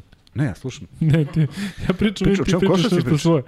Ovaj, čudi me od Itudisa, kaže Anđela Dragović. Anđela, ne znam na šta misliš, ne znam šta je uradio Itudis, ajde samo se obavestite zašto mi ovdje Ej. ne znam. Moguće da je imao neki... Znaš šta mi se dopalo koji Tudis? I to mi ostaje utisak. Ajde. Fantastičan izraz lica kad se Vasa povredio. Si obratio pažnju? Ne. Znači ja želim, moja interpretacija toga, on je pogledao prema njemu i napravio onako jedan izraz lica da mu nije da mu je loše, da mu nije drago što ga vidi da ovaj leži, ali fenomenalno, znaš, on je pogledao, nije bilo ono skupio oči pa nekom pričao, i, znaš, i tapšanje, nego je baš pogledao, zamislio se i nije reagovao, je majstorski. Dakle, nijedan od tih trenera ne želi da se bilo ko povredi da ne može da igra. A samo da kažem za Marka Kneževića, pitao si ga da je igrao. Ajde. Pa znam, Juventus, Barca. E, Voždovac, Niš, Partizana trenutno u mladosti. Igra za Partizan? E, baš da vas čujemo šta kažete za 3-3 Partizana na, Miloš. Stojadinović javlja. Sa Euroligom nam se u novembru poklapa utakmica s Britanijom. A u februaru s Grčkom, to je genijalno. Pa dobro, Znači- možda nam taj neće trebati. Daj Bože, da sve To je- dobijemo do je- tada i Grci dobiju sve do tada i Belgijanac. Svi pobede, samo Belgijanci Belgijanac gube. sa svojim strujom. Samo Što je Belgijanci krenuo da gube. isključuje struju tamo, pa nam onda i dole. Sveća se, isključe nam struju tamo, pa onda nama nestane struja ovde, a oni neće da igriju. Pa taj Belgijanac mi je toliko gadan. Ma, ja, Sad, pazi, prenosim ja sam Grčka se odrekao Belgija. svih onih s kojima sam Grčka igrao. Belgija u, u nedelju, znači da me vidiš kako ću da najavim za Grke. Šalim se, naravno, čujem neko Dino, sportova novi bude. patron. Hvala Dino. Živio Dino. Letonija razbila tursku komentar, to smo već prokomentarisali. Ovde se malo vodi polemika da li nam Teo treba ili nam ne treba. Kuzma, uh, ajde da pres, preseci na najbolji mogući Teo način. Teo, Teo hoće da Teo igra, oni ga je- hoće, da ili ne? Sad. Da, da. Teo nam je od uvek trebao. I reći ću zašto. Zato Ali sad, posle i svega. sad, ma posle svega, ako može se nađe zajednički jezik, ako je Vasa povređen, ako bilo šta postoji, ja sam za. I ne treba tu nešto... E, naravno, onda imaš, e, onda naravno imaš one sad koji čekaju neuspeh, pa to je zašto se vratio. Dakle, jedna odluka kad se, kad, kad se donese, jako teško se popravlja, a da budu svi zadovoljni. Ali, zašto mislim da je trebao? Baš zbog ovakvog nečega.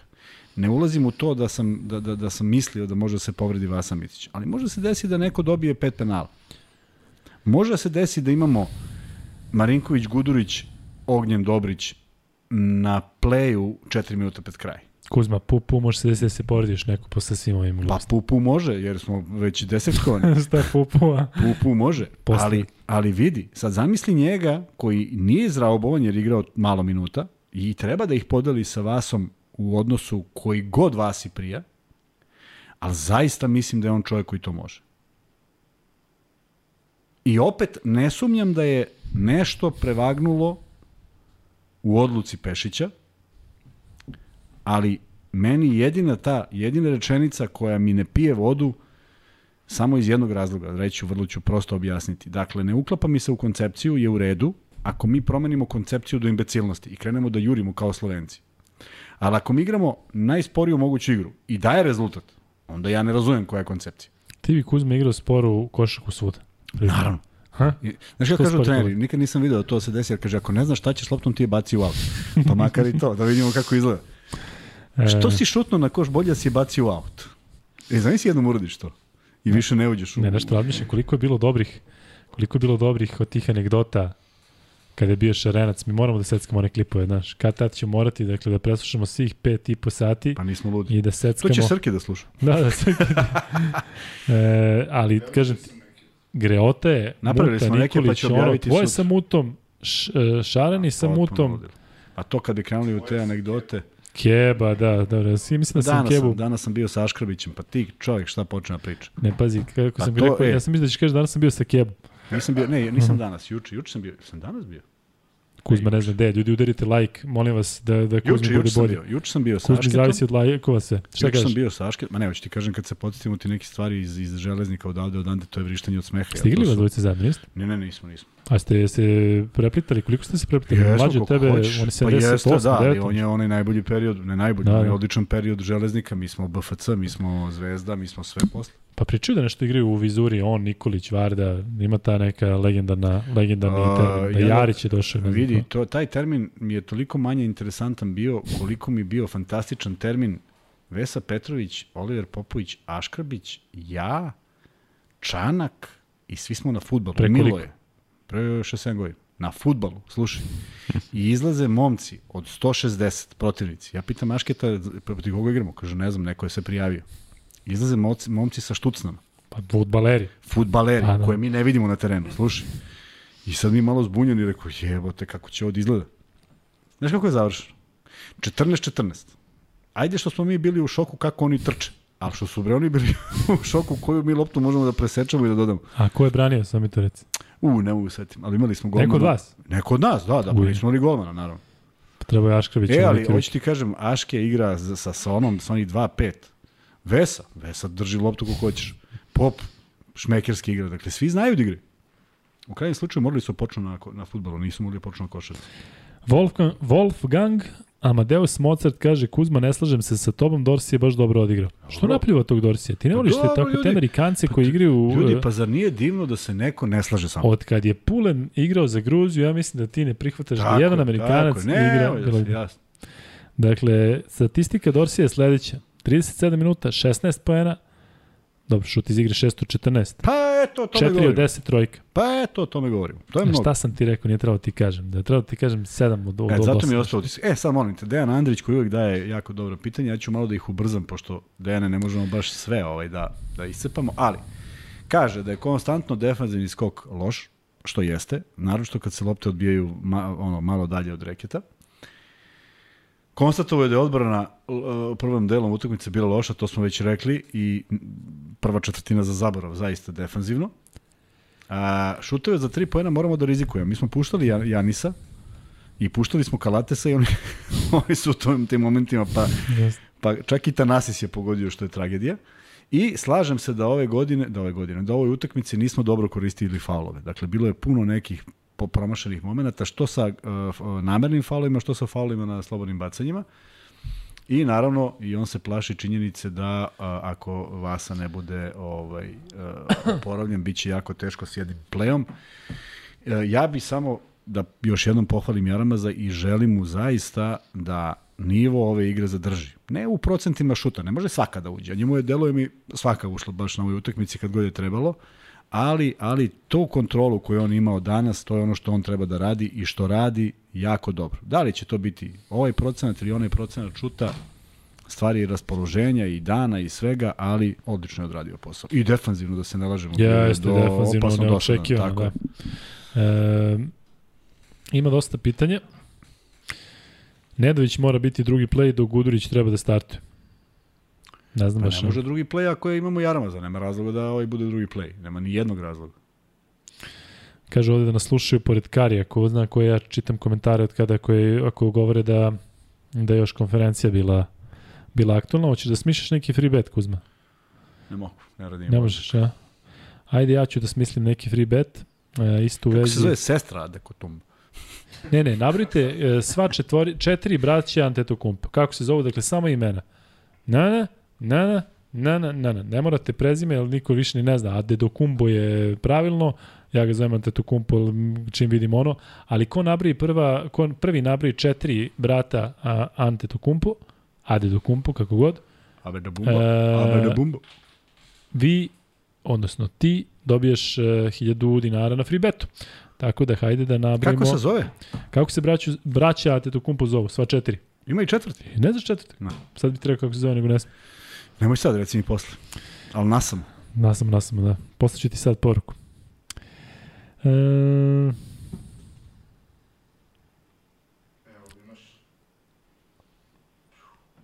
Uje, koliko ima... 1200 imamo Kuzma u live, znaš. Dobro, Nisam mu rekao. ljudi. Dakle, e, ovo je prvi koji je odgovorio. Tanasis Janis, Alex Kostas, Stefan Mijajlović. Stefane, šalješ na na ID Luka i Kuzma. E, nisam verovao da ću ovo ikad reći, ali zapratite nas na Instagramu Luka i Kuzma. Zato što je tamo mnogo dobrih fora, ima Kuzma tamo nešto pravi neke forice s vremena na vreme, tako da, ovaj, jesi nam vidio slike sa šarencem? Majko moja, ja ne da ne da si slika. Te sam lepo ispod levo. Znači kakav pakao. Potpuni haos. Znaš šta, predložio sam da, da više tebe ne slikam. ne, pa da. Kažemo bio i Luka, ne, a ja slikamo da samo na ja ću da ja i gost. i ovako, znaš, kao kežbe, sve vreme. E, Ili da nas ti slikaš. To. Ili da nas ti slikaš, na primjer. Kebu podcast. Malo tježe. Nemoj, setit će se, setit će se onoga, pa će Da, da, pričati tu da anegdotu. Kada bi Kićanović Dragan bio u top formi, da li bi trebalo da igra na evropskom prvenstvu? Druga epoha i pokušam da objasnim onom gledalcu koji je rekao da, da su ovo jesu najbolji i pokazuje se da jesu najbolji, ali prosto svaka, to mora da prihvate ljudi, svaka epoha nosi svoje i to nije neka floskula, nego jednostavno je tako. Ako je Ćosić bio prvi evropski igrač kojeg su posmatrali NBA skauti, znači da je nešto znao. Znači da je on u tom trenutku najbolji evropski igrač. To što nije uspeo se zabode u NBA zato što je ona bila zatvorena za strance, tačnije za ljude iz Evrope, to nema nikakve veze. Tako da moramo da poštujemo ono što su radili ljudi u prethodnim godinama koji su stvarali košarku, zbog koje smo košarku zavoleli. Nismo zavolili zbog ove trojice, nego smo zavolili zbog mnogo drugih heroja. Neke od njih ste viđali u našem podcastu, kamo sreće da ih ima više. Neke je teško na, nagovoriti da dođu, a volili bismo. Evo sada objašnjenje. Na konferenciji nakon utakmice Tudi se žalio da je samo Janis izvodio bacanje za grčku ekipu. Dobro, čovjek je u pravu, ali... Ali šta sad tu treba da bude argument? Pa mislim da, jeste stvarno neverovatno, ne znam šta da mislim o tome. A Ali, Luka... ajmo ovako, ajmo ovako. Ajde, ajde da se vratimo, vratimo film. Uh, Papa Nikolao je šutirao uglavnom trojke. Dobro. Dorsi 10-4 trojke. Pa da ja napraviš faul? Mislim, nikoga nije faulirao u šutu. Dobro, ali bilo je podeo i bio Kostas, Agravanis, bilo je dešavanja... Agravanis je tri penala dobio i, da. i, on, i on je napravio faul u napadu u prvom, pa je sam sebe blokirao da ulazi. I on je šutirao. Znaš, da, jeste, on dade čak jednu na trojku. Dao je trojku, tako je, ali nije tu bilo nešto mnogo drugih igrača u reketu osim braće Burazar. Ja kaže, pa žalujst za kad se obraćamo Tutinu da nam da igrače da igraju. Ja sam pa žalujst, pa. Da. E, Luka, slaže li se da u Guduriću imamo najviše rezerve? Vidiš, to je dobro razmišljanje Marka Crnogorca. Šta kaže Mislim Marko? da u njemu imamo stvarno najviše rezerve, da je on jedini koji može mnogo, mnogo bolje od ovoga što, što se trenutno dešava. Ne može Jaramaz, ne znam koliko bolje. Lučić i Kalinić znamo da rade sve. Jokić radi sve, ali nekako delo da u Guduriću stvarno možemo da dobijemo, ako je sve u redu sa povredom, nekog ko bi mogao da bude u nekim trenucima lider. Zato što razmišljamo ovako, ko je nama poenter? Ajde da kažem sada, evo Vasa, Vasa trenutno nema. Ko je nama, da kažeš, očekuješ od njega poena? Jokić na stranu.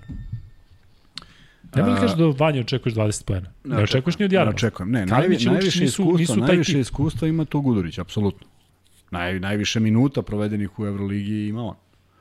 Uh, Lučić nije, nije klasičan šuter da ti Tako sad imaš da si u 100% siguran da će 4-4 ja šutne. Gudurić ima opciju za 4-4. Nije ni Kalinić 4-4, ali Kalinić radi opet pa druge stvari.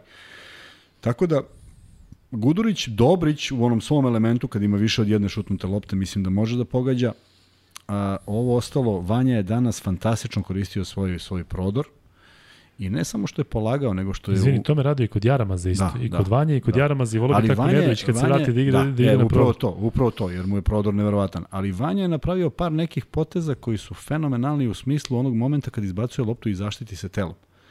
E, vidio si, par lopti je se zakotrljalo, pa onako jedva ušlo u, u koš. Ali su to izbačene lopte sa dovoljno osjećaja, a ne može da se blokira. Iako je u ozbiljnom problemu kad, kad se zabode u reket.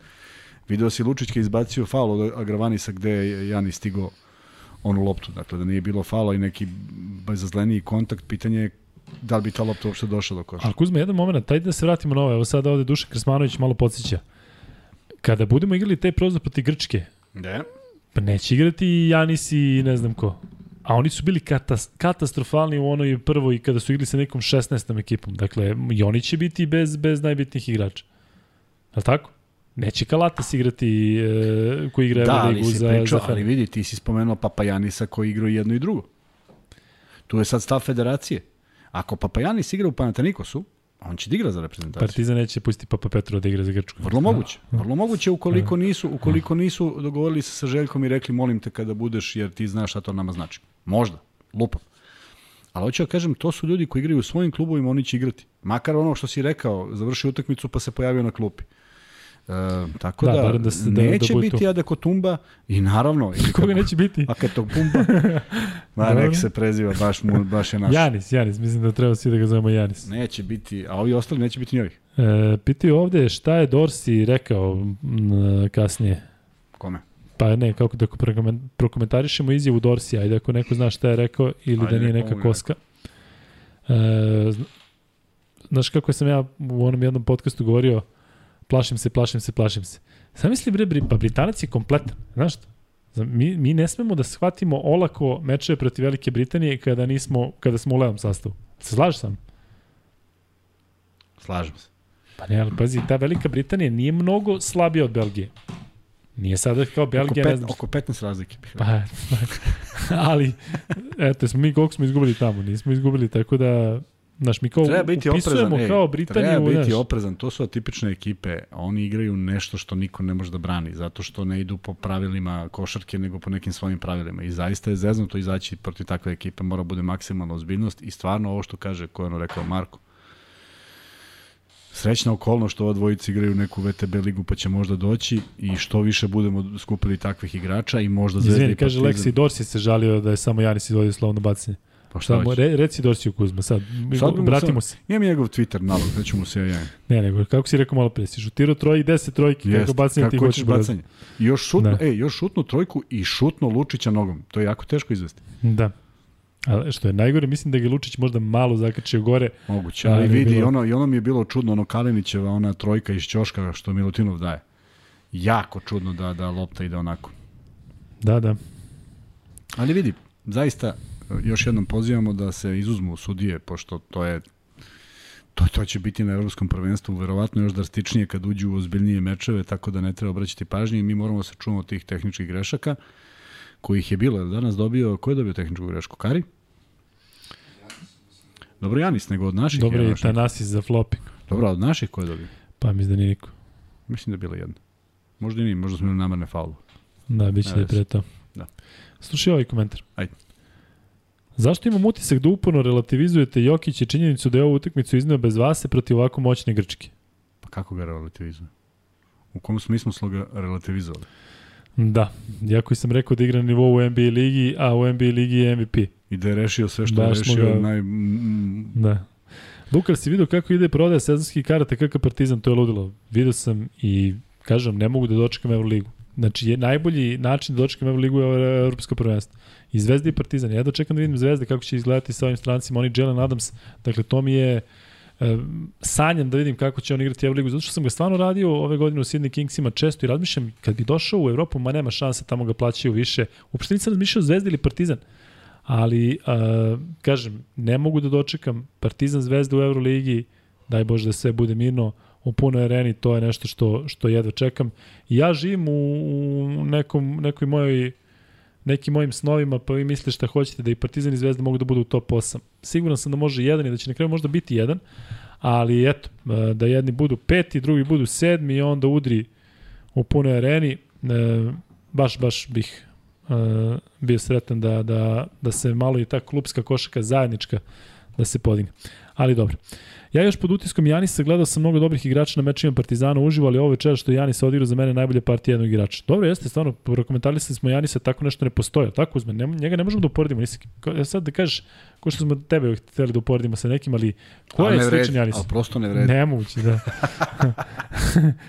Eto, Kuzma i Janis. Godinama ne možemo nikoga da uporedimo od jednog drugog. se pokušava. Kuzma igrao kao Janis. Da, potpuno, potpuno jedno telo koje, koje dominira pre svega lepotom. Njegovi pokreti su ko u gazele.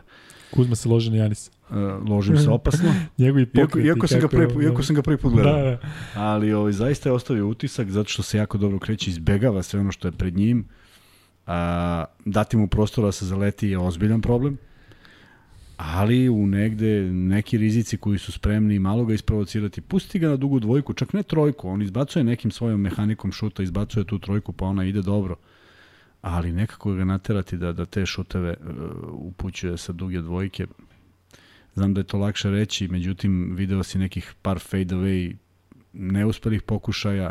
Nije tu mnogo kreacije koliko je snaga i koliko se jako dobro snalazi kad je u tom prvom koraku koji je jako brz. Uh, Jokić koji je gabarita, ne može uopšte da ga, da ga nađe u tom momentu kada, kada on prodire, makar da ga malo zaustavi, ozbiljno, ozbiljno telo, ozbiljan kvalitet, 40 pojene je dao, tako? Nisam vidio, ali tu negde, znam da je imao u završnici nešto, sad ćemo da imamo. Da, pa 40 ravno, 14, e, 14 od 25 iz igre, 12 od 18 za 2, 2 od 7 za 3, 10 od 14 sa penala, 8 skokova, 5 asistencija, 3 izgubljene, 2 ukradene. Nije loše.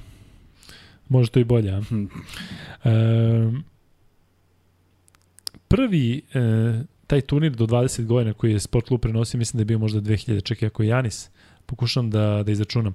Prenosili smo do 20 godina Evropsko prvenstvo e, i Italijani su pobedili sa Delavaleom, Delavale je razvalio, a Grci, ja mislim da sam prenosio Grke ili sam gledao Grke, Janis je, Kuzma, ja ne mogu ti objasniti, on meni uopšte nije delovao kao neko ko, ko može bilo šta. Pritom jedino što je uradio na toj utakmici, mislim da je igrao protiv Španije, da je Grčka igrala protiv Španije, jedino što je uradio dobro što je dao neku trojku sa 10 metara kada je već bilo e, završeno tipa sa 7 razlike spustio na 4. I da mi neko rekao da će uh, Janis da bude dvostruki MVP NBA ligi, da će da bude ovako dominantan, kažem, uopšte nisam, moram priznati, to mogu da prepoznam. Pa čak ni u onoj prvoj sezoni kada je došao, kada je došao u NBA ligu. Ali eto, potpuno dva, dva drugačija tipa igrača. Kad pogledaš Janis i Jokić, a takvu dominaciju imaju uh, imaju da, ovaj da. i pri, pri, onda imaš Luku Dončića koji isto ajde da kažem 2-0-1 a on onako veliki, a onako pokretan. E, razlika, na Balkanu razlika se... između Dončića i Jokića u odnosu na sve ostale je atipičnost. Janis je proizvod koji može se uklopi u NBA vrlo jednostavno i deluje kao da je tamo ponikao i da je trenirao da je tamo njihov. i da je njihov. A ova dvojica, Jokić koji napravi dva koraka, ja ne znam kako mu patike stanu da napravi dva koraka jedan za drugim, da ne bi napravio grešku u koracima i on tup tup i onda izbaci nekom rukom koja mu je onako zgodnija. Znaš, to se, to, to, to se govori o jednom neverovatnom intelektu koji reaguje u, u 0,1 desetinki. Imamo 1200 Kuzma u, u live-u. Kako Šta rade ljudi? Pa imam još minut. Još minut, da. Ovo ću ja da pričam sa vama, Kuzma, neko, ovaj, ovo ja ću do, do Amerikanca da, da, da. Gledajte, ko ne može da spava, ne gleda, a, a Sjedinjene američke države... Ali dolaziš po mene posle? Dolazim, dolazim. Dobro. Ne znam kako ćemo da stignemo sve, ali, ali dolazim. Kad dolaziš? Pa kad u 4.45. Da. Hm? Mm. Buj spreman, molim te. Ja samo čekam, znači kofer i sve, temperatura, koferi, temperatura 36, 47. Nosim 12 kofer. E, piti ovo. A ti Kuzma, Uh, mislim da će se složiti sa mnom da je odgovor definitivno da. Da li su Jare i Vanja potpisali sebi mesto u 12 današnjom partijom? Ja mislim da su i pre ovoga bili u 12. Ko? E, Jaramaz i Vanja. Jaramaz, vidiš ko je Jare. E, ja mislim da su oni bili u 12. I ne, za Jaramaza sam bio siguran da je u 12. A Vanja Marinković je dobijao tu ozbiljnu minutažu koju je, eto, ovaj večeras zaista lepo iskoristio. I zašto mislim da je bio u 12? Sad ću reći zašto. Zato što... pa i sam moraš da kažeš nešto, da, da, znači... Zato što a, je... Ja razmišljam ovako. To ćeš da zaboraviš šta si te. Ne, ne, razmišljam ovako. Ajde. Jokić, Milutinov, Kure, to je 3, Kure 100%, a? 100%. Davidovac 4, Lučić, Kalinić, to je 6. 6 visoko malih. Znači šest igrača koji mogu da igraju na poziciji 3, 4, 5. Ajde još jedno molim te nešto protiv. Gore, šta si rekao? Jonči, Jončić, Jokić, Jončić i dalje. Milutinov, Dobro. Ku, Kuriđa, Davidovac, Kalinić i Lučić. jeste, Lučić. Dobro. I to je šest. Sad tražimo šest spoljnih. Dobro. Vasa, Jaramaz, Ognjen Dobrić, Vanja Marinković. Sad gledaj zašto, moramo obrazloženje. Zato što su do pre 3 sata i, Dobr, i Gudurić, i Nedović, i Avramović pod znakom pitanja, ali tako? Dobro. Dakle, ako su njih trojica još uvijek pod znakom pitanja, sad je Gudurić igrao, on je 11. Treba ti još jedan spoljni igrač. A ne bi nikako išao na varijantu 7-5. Nikad nismo igrali sa 7 visokih, 5 malih. Pa dobro, ali Kalinić, znaš, Ja bih volao beka. dobro. Onda biraš nekog od povređenih. Što je iluzorno ako imaš zdravog centra. Čekaj, ali Bjelica će ići. Ne, ne znam da li će ići. Pa ja kako znam su da... ga stavili da će biti kapiten? Ma, Kad su ga stavili? Pa ko, ko kapiteni Lučić i Bjelica, Ma odlučeno nema pre to nikakve 12. veze, ma nema to veze što je odlučeno brez posljednja informacija da mu se pogrušala povreda, pa je nešto ovaj rekao da će možda biti i tako dalje. Ne znamo. To ne znam, ali mislim da je on uh, da tek on ima Da, problem da se to, da, da. tek Ali on ima onda problem da shvati. sigurno. Kažem Tebi- ti, nemaš. Kuriđić ili... Kuriđa ili... A Kuriđa mora da ide. A, mora i da video da ide. Da. E, pa, Pa Hoćeš- nabrojao sam ti, to je šest, nema tu spora. Sam, A ako Bjelica bude zdrav, A, do, do, da. Ko ispada? Onda mora da ispada, pa onda A. Kuriđa ili Davidovac. pa Ali ne dobro, vidim- ko nam je taj 11. Evo, Gudurić i... E, upravo to. Znači imaš ovako. Dva povređena beka, Nedovića i Avramovića, koji još uvek slovi za mogućnost da ide. Imaš povređenog Bjelicu i imaš zdravog Ristića. Znači imaš samo opciju da vodiš povređenog beka umesto zdravog Ristića ako su svi povređeni i dalje. Boriš i Petruševa realno Pa otpisuju. ne, pa mislim kako bi ti rekao. Možda ga vodiš, ali nije realno. Da. Nekako ima utisak da smo neko zaboravili. Uh, Teja. da, eto ti, rešili smo. E, da vidimo još malo da se okrenemo nekim pitanjima. Da li bi se Nedovićima u ekipi imali sigurne pojene u rukama? Ja mislim da da, ali sa ne... E, Milan Jeftić, novi patron. Živi bio Milane. Milan je uplatio 100 sek. Švedska Švedski kruna. kruna, da. Sad ću ti kažem koliko je to. Nemoj mi govoriš, ali to je divno, ne moramo Soma, preračunavamo. Soma. Šta Soma sam? dinara.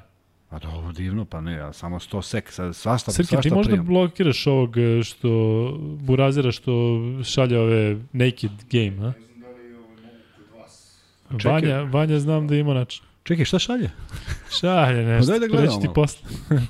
da kad završimo. Zato ranije završamo. Da, da, da. Luka, da li se u ovom trenutku na ovoj ekipi vidi Pešiće pečet? Pa, vidi se sve više. Vidi se A, sve više. Zaista se vidi. Šta si me malo pripitao? Uš, znaš ti ide malo pre. Da, i E, Britanci kompletni. To me nešto zezi. Luka, pitaj Kuzmu za komentar za zvezdu Makabi Haifa analize. Pa ljudi nisu mogli da trče 45 minuta, nema šta analiza. Vidi, da ti kažem, najosnovnija stvar, a dve su se stvari desile na toj utakmici, i sad stvarno neću preterati.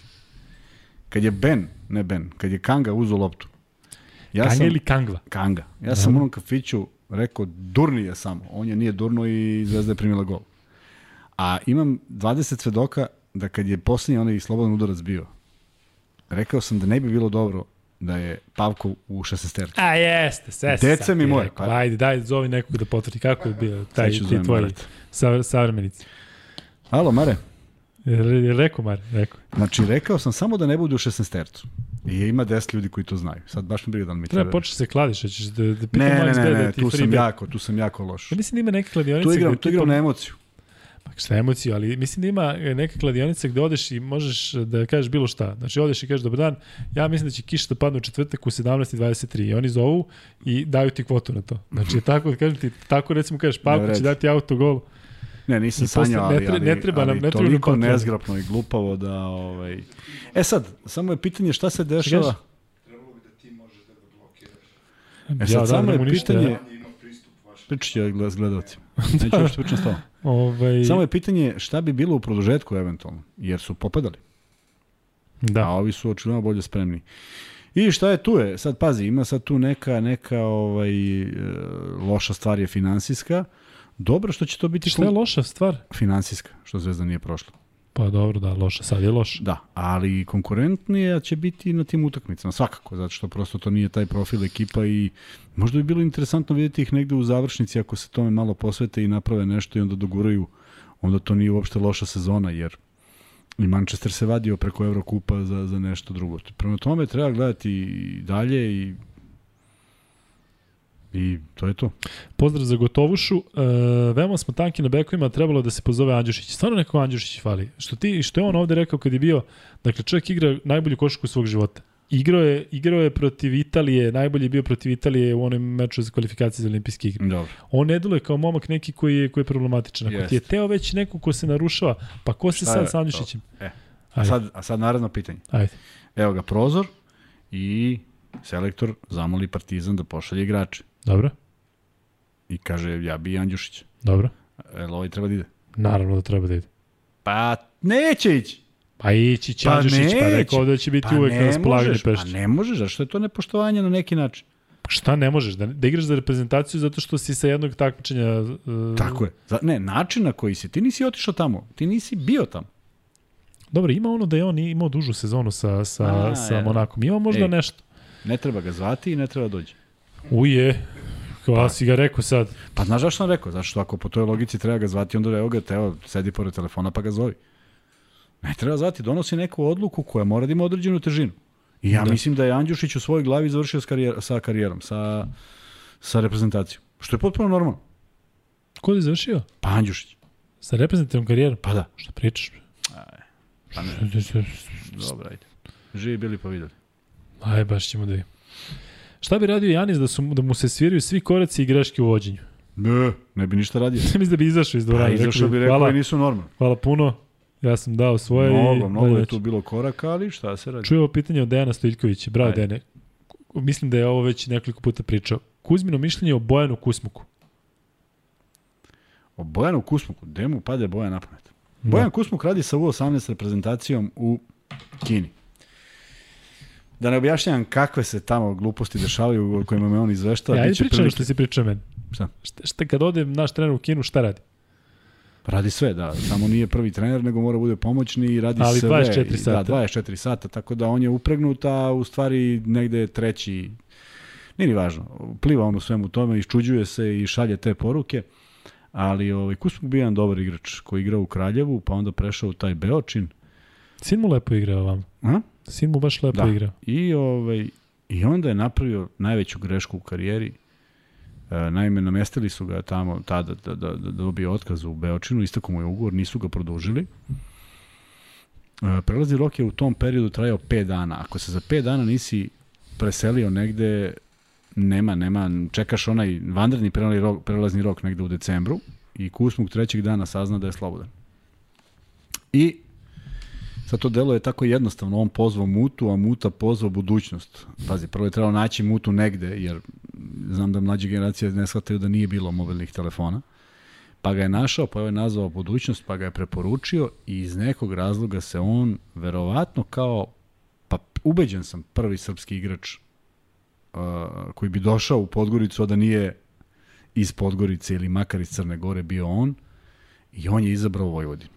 I Vojvodina se ugasila u trećem kolu te godine, samo se raspala I od tada njegova jedna prilično dobra karijera ide u jednom čudnom pravcu Slovačke, Rumunije, ne znam čega sve, ali nigde sa nekim konkretnim uspehom. Jer ja mislim A da on, naplatio barem. Pa nije uspeo, to su bile male, malo platežne zemlje. I mnogo mi je žao zato što je njegov potencijal bio veći i mnogo mi je žao zato što su ga se otarasili. Šta je igrao, dvojku? Da. E, Tu je Muta lutao. Mene je stavljao na keca, a Kusmuka na dvojku. Tebe stavljao na keca? Da. I to je bilo misterija. I onda je sedam kola, sedam ili deset kola, ne mogu sad da se setim, pričao kako je najbolji 10 minuta bilo prvi 10 minuta, kad sam igrao keca.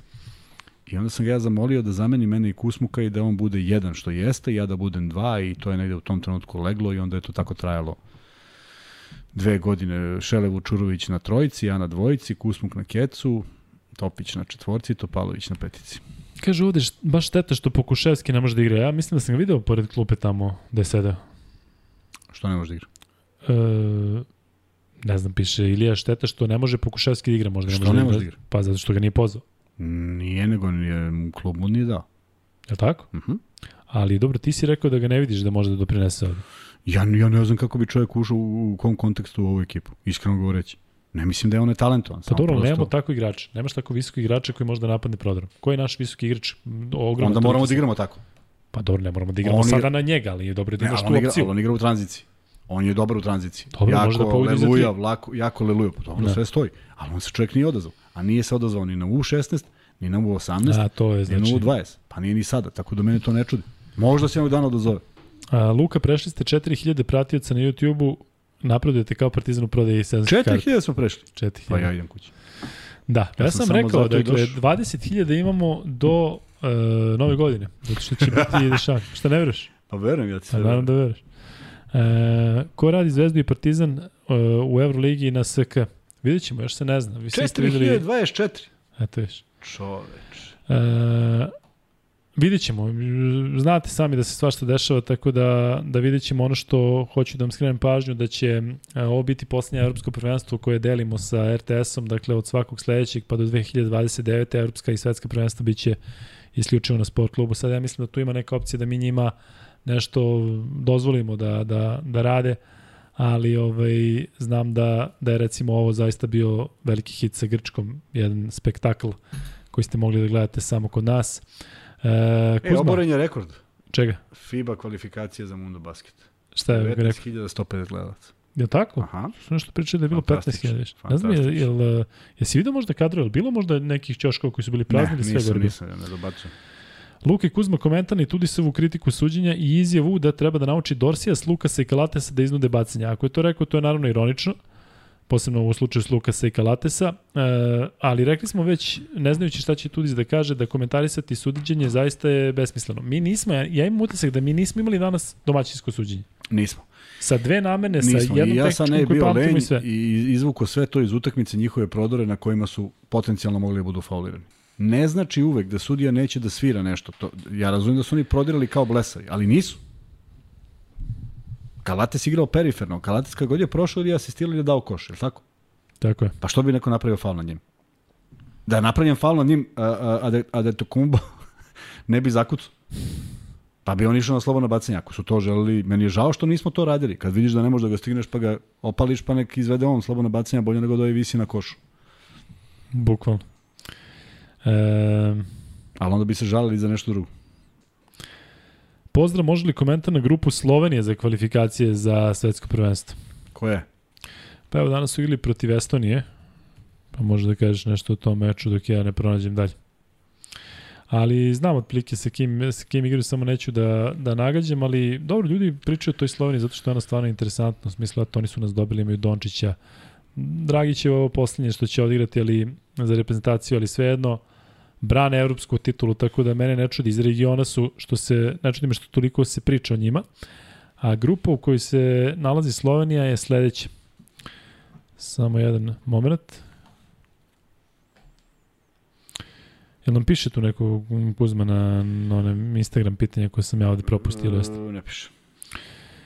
E, dobro, Slovenija u grupi sa Nemačkom, Finskom, Izraelom, Švedskom i Estonijom. Smešno, sve će da pobede s tim što Nemačka i Finska imaju 6-1, Slovenija ima 5-2, ali onda ide Izrael koji ima 3-4 i Švedska i Estonija imaju 2-5. Znate da tri ekipe idu dalje, tako da Slovenija e, sada za za tri dana igra još jedan meč i to ćemo da proverimo protiv koga. Slovenija igra protiv Nemačke u gostima. To će biti baš interesantno. Dakle, pozivam vas da ispratite taj meč 28.8. U nedelju pratit ćemo ga na, na SK-u naravno.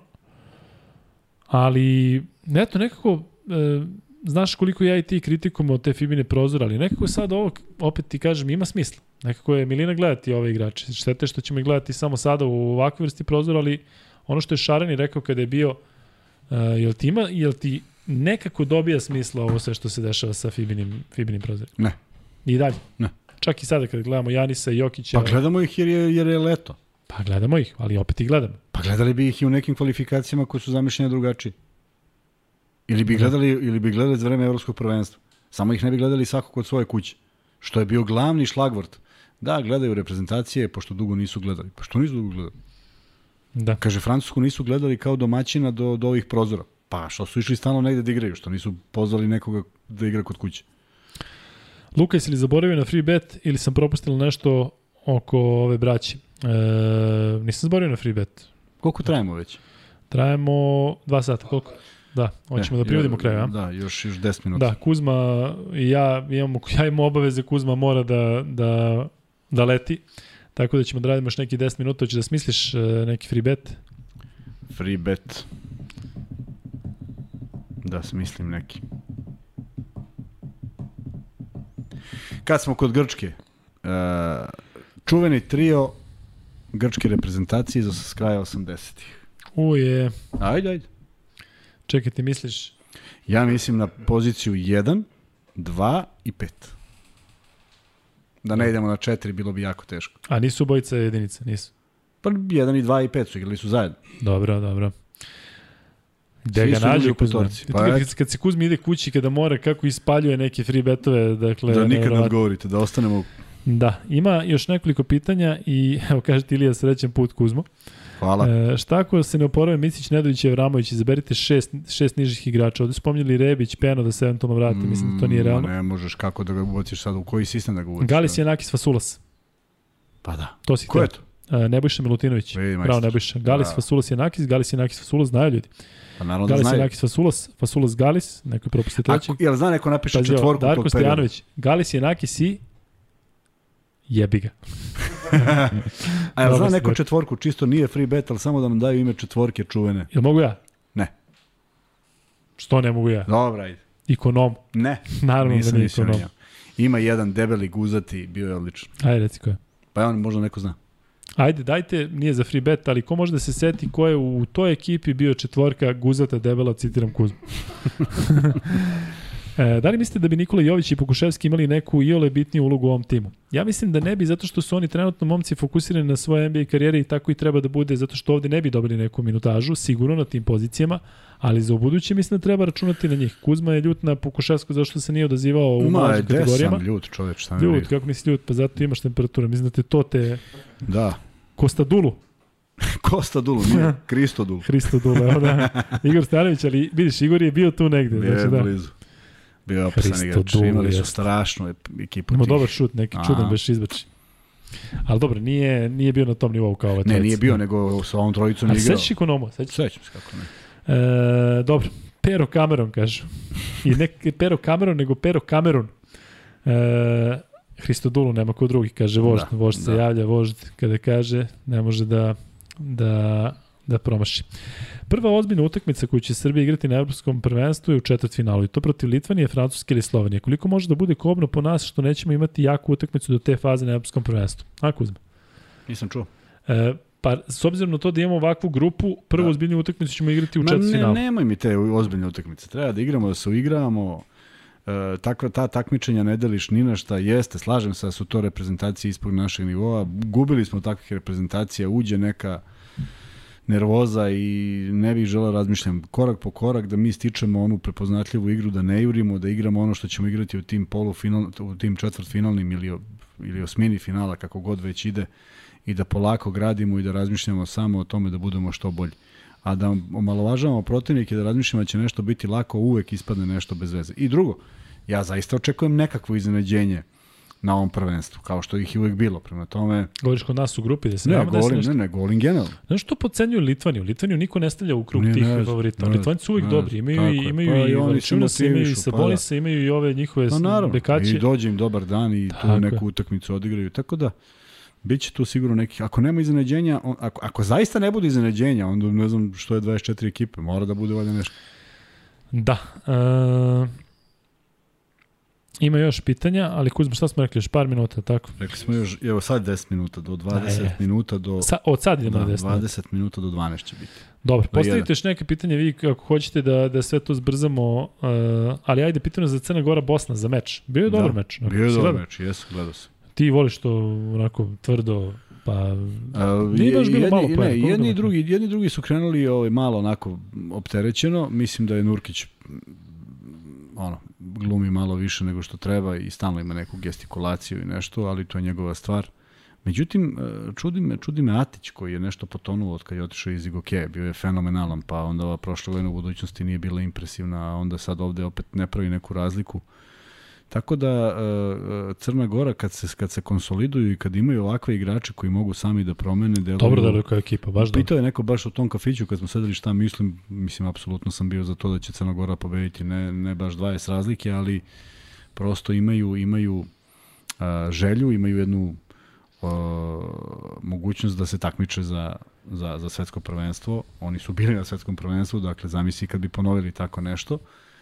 Šteta što nema Vučevića, manje više ovo sve ostalo koliko sam ja ukapirao su Pa tu nema Ivanović. Ivanović je Zamisli povređen. Pa da, nema ga. nema- Ivan, zamisli nema Ivanović i, i, Da, i bi- Vučić. jeste, isto. bilo bi A možda bi drugačije izgledali onda, u smislu ne bi bili ovako veze, dobra je kompaktni to energija, dobra je to energija, jer oni do, privlače dobru energiju, njih Kako ti se Simonović čini? Pa, okej, okej. Ne Ništa, više od ništa, toga, a? Ne, ne više od toga. Ali ne znači da neće biti bolji. Da. Lepo je što guraju onog malog Vučiljića su gurnuli u 12. što Pa igrao on za Ilić mali je tu isto što je napravio Jeste. slučajno drugi faul, nad, baš on je napravio faul nad Musom pa je izvršao. Vrlo interesantno igra u ovim utakmicama do sada, mislim da ima prostora, ima ima dosta interesantnih momaka tamo. E, pita Crni Grobar z- mene za Kalatesa što je prešao u Fenerbahče. Pa dobro, znaš šta, meni je dalo da polako i sezone u sezonu postaje onako malo potrošen. E, Sada vidjet ćemo, moram priznati da me ta Fenerbahčeva pojačanja nisu, bog zna kako, oduševila. Čak i ovo što je Efes odradio, nisam, nisam siguran da će Efes biti na nivou na kom je bio. Mnogo mi se više sviđa ta opcija da je ostala ista ekipa i da su doli samo onog malog e, Turčina što je nekada igrao u Euroligi, a nekada nije, e, što je došao sa koleđa, tako da ne znam, biće, biće zanimljivo, ali još ta promena, promena trenera i Tudis koji se troši za reprezentaciju, znam, biće, biće Fenerbahče mi opet deluje kao eksperiment. Tudi su ostao u Moskvi. Ne, Tudis. Ovo je bre ostao u Moskvi, otišao Fenerbahče. Da, Da, da. I Tudis će ovaj, imati problem za prozore. Pa to ti kažeš. Znači, ideš i tamo i vamo, pritom sada je Odeš za prozore i vratiš na 0-3. to.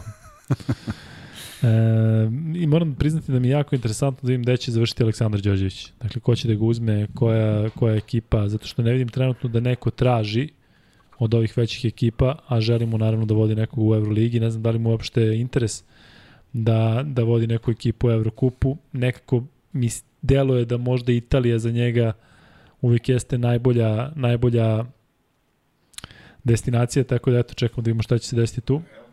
Šta?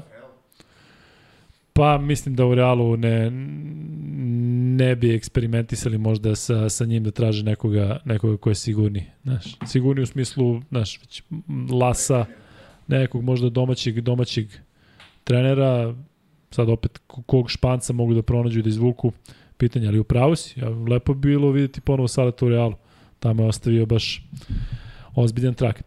E, Luka, da li misliš da je Nanli dobra zamena za Pantera? Pa, preozbiljni igrači, zaista prosto nevjerojatno da pričamo o tome u Partizanu. Da je neko rekao pre dve godine da će Nanli i Panter zajedno da igraju u Partizanu, ne bi verovao.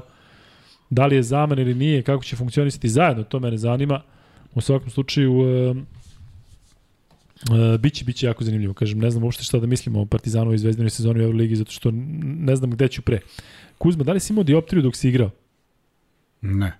Ba to, to To se Zato te pojavilo ljudi, prethodne- ljudi da gledaš sada. E, pojavilo su prethodne dve godine, zbog godine. Prethodne dve godine? A, Pok te ma, znači dve godine posljednje. su krenule sve nizbrd, da. Da, imam sad, i za, imam sad i za blizinu i za daljinu. Da. Ove su za blizinu. Šta mislite koliko će momci još imati gasa da izvuku ovakvu utakmicu? Pa mislim da će imati, posebno zato što se onako menja ekipa, nije to ista ekipa. Ej, treba pa... da izvuku jednu utakmicu, ovu sledeću, i da u jednom fantastičnom raspoloženju sa, sa, sa velikim uspehom krenu u, u ipak lakše utakmice od ove dve. Manje stresne, jesu na jednom takmičenju, jesu bitne, jeste svaka pobeda važna, ali ovo su protivnici koji ih e, u toj grupnoj fazi sigurno ne očekuju u takvom kvalitetu. U trećoj željkovoj sezoni treba ciljati povratnike Jarmaz, Lučić, Milutinov. Lučić pre svega, ali mislim da Lučić e, e, da je potpisao na tri godine prošle godine, tako? Ne znam zaista. Kako ne znaš, to je najbitnija informacija. E, pa ako je najbitnije, onda znam. Kuzma, hoćemo da privodimo kraj? Da. Kuzma mora Moram. da ide, a moram ja da idem. Ja radim, Kuzma leti, e, dakle u ponedljak ćemo imati da podcast sa interesantnim gostom. Vidim da ovde pitate da li će biti Lale Lučić, e, da zovemo Laleta Lučića, da zovemo Mutu, da zovemo Stefana Jovića, vidit ćemo, kažem, budite sa nama u ponedljak, pa će trebalo bi da bude jako interesantno. U svakom slučaju, hvala vam na najrekordnijoj gledanosti ikada. Ovo nije bilo ni sa Šarencem. Žao nam je što ne možemo da trajamo duže, ali kažem, zaista je opravdano. Meni počinju Amerikanci jako brzo, Kuzma mora da odspava bar sat vremena pre nego što što ide na let. Neće biti nekoliko dana tu, ali u ponedljak se vidimo u 21 čas. Ako sve bude ok, možda pomerimo malo ako ja imam neki prenos, ali ne nešto ozbiljnije, sve, svejedno ćemo vas obavestiti. Budite dakle, dakle sa nama u ponedljak i onda u četvrtak idemo punom parom, idemo svaki dan. Tako da jedno čekamo da se družimo i kažem hvala vam zaista na ovim neverovatnim uh, ciframa da mi je neko rekao Kuzma da ćemo da imamo 1000 228 ja ljudi u live. Čekaj, moram da, ti si mi rekao. e, imam za vas, e, imam da vam nešto preporučim. A to su naši podcasti i koji stalno hvalite naše podcaste. Dakle, mi smo imali Radmanovića koji je bio u podcastu broj 21. Tako je. Dakle, Kuzmin, to je Kuzminov, da mi sakrijemo da je on uopšte bio. Dakle, odgledajte podcast sa Lukom i Kuzmom broj 21, Radman je uleteo u studio mi smo se zaprepastali i pričali smo, ogledajte podcast uh, o Pitu Maraviću, to je podcast ne znam tačno koji. Šest ili sedmi. Šest ili da sedmi, a naslov je uh, najbolji Srbin u NBA ligi, isto Kuzmi naslov, pa znak pitanja, kao da misle sada da je Jokić, ali Pit Maravić je zaista bio neko ko je srpskog porekla i bio najbolji predstavnik ove zemlje dugo u NBA ligi i odgledajte uh, podcast za naslov 21 kada smo se setili Harisa Brkića, a Ratko Varda je bio tu i nismo ni to potpisali. Dakle, Ratko Varda, E, priča o Pitu Maraviću i Vladimir Radmanović je nešto što zaista može da vam bude jako interesantno, a kažem, ako ste se kasnije uključili, postali kasnije pratilac ili već šta god, možda niste mogli to da ispratite. Dakle, broj 21 e sada uh, je Radman. Uh, možeš da pogledaš koji je to podcast bio sa, kada nam je bio... Sa? Uh, I kada je Goran Nešković pričao o, o Pitu Maraviću. Ja mislim i, da je šesti, čekaj da pogledam. Dakle, Radman je definitivno 21. I samo podcast se zove Dobar glas, daleko se čuje ili već šta je Dobar šta smo glas se zove. Dobar glas se samo zove. Možda ljudi misle da smo pevali, dakle, ona... A i pevali smo malo. Jesmo, malo pevali. E, I kažem, to možda bude jako interesantno, zato što čujem, video sam koliko ste pričali o Šarenom kada je bio, koliko je bilo super i ovo su bile zaista zaista sjajne priče. Mi smo bili onako još, ajde da kažem, zeleni što se tiče podcasta, ali nema veze. Dakle, no, nađemo uopšte. E, negde na početku. Evo ga. Evo, sad ćemo vidjeti. Video snimci. Šta si rekao, dva, koji je? Koji je bio Varda? 21. Nije Varda 21, 21 Ne, 21 Radman. se zvao podcast, samo smo stali 21 zašto je toliko prošle godine od uh, Jeste, evo ovako. Pit Marović je broj 6. Pit Marović je broj 6. A 21 da. godina je broj 8. 6, 8 i 21 podcast. Da. Dakle, 6, 8, 21 bit će nam jako interesantno. E, Gaga Radovanović koji je sada e, doktor reprezentacije koji je već koliko 20 godina doktor reprezentacije više, on nam je takođe bio gast, gost i pričao je Um, duše jako kratko taj podcast, mislim da mi je najkraći koji je bio, ali mogao bi da vam bude interesantno. Kad sam bio sam, kad si negde... Ne, da, kad sam ti nestao, kad sam morao da, da radim. On je broj 10. Da, ima, ima svašta da se pogleda. Možete i... da pročeprkate po starim podcastima. Da. Jeste. E, hvala vam za sve, hvala vam za gledanost. Udarite neki like da Kuzmi još padne temperatura. Mi vas pozdravljamo do ponedeljka, vidjet ćemo da se Kuzma tada uključi, ali bit će jako interesantno. Sad imam 35 stepeni. 35, da. Koliko sad, su sad, sad, sad, sad dislajkujte da bi, mu se, da bi mu se vratila temperatura normalno. I u četvrtak, dakle za 7 dana krećemo punom parom. Prvog počinje Evropsko prvenstvo i tada mi krećemo u taj naš specijal. Vidimo se, pozdravljamo se.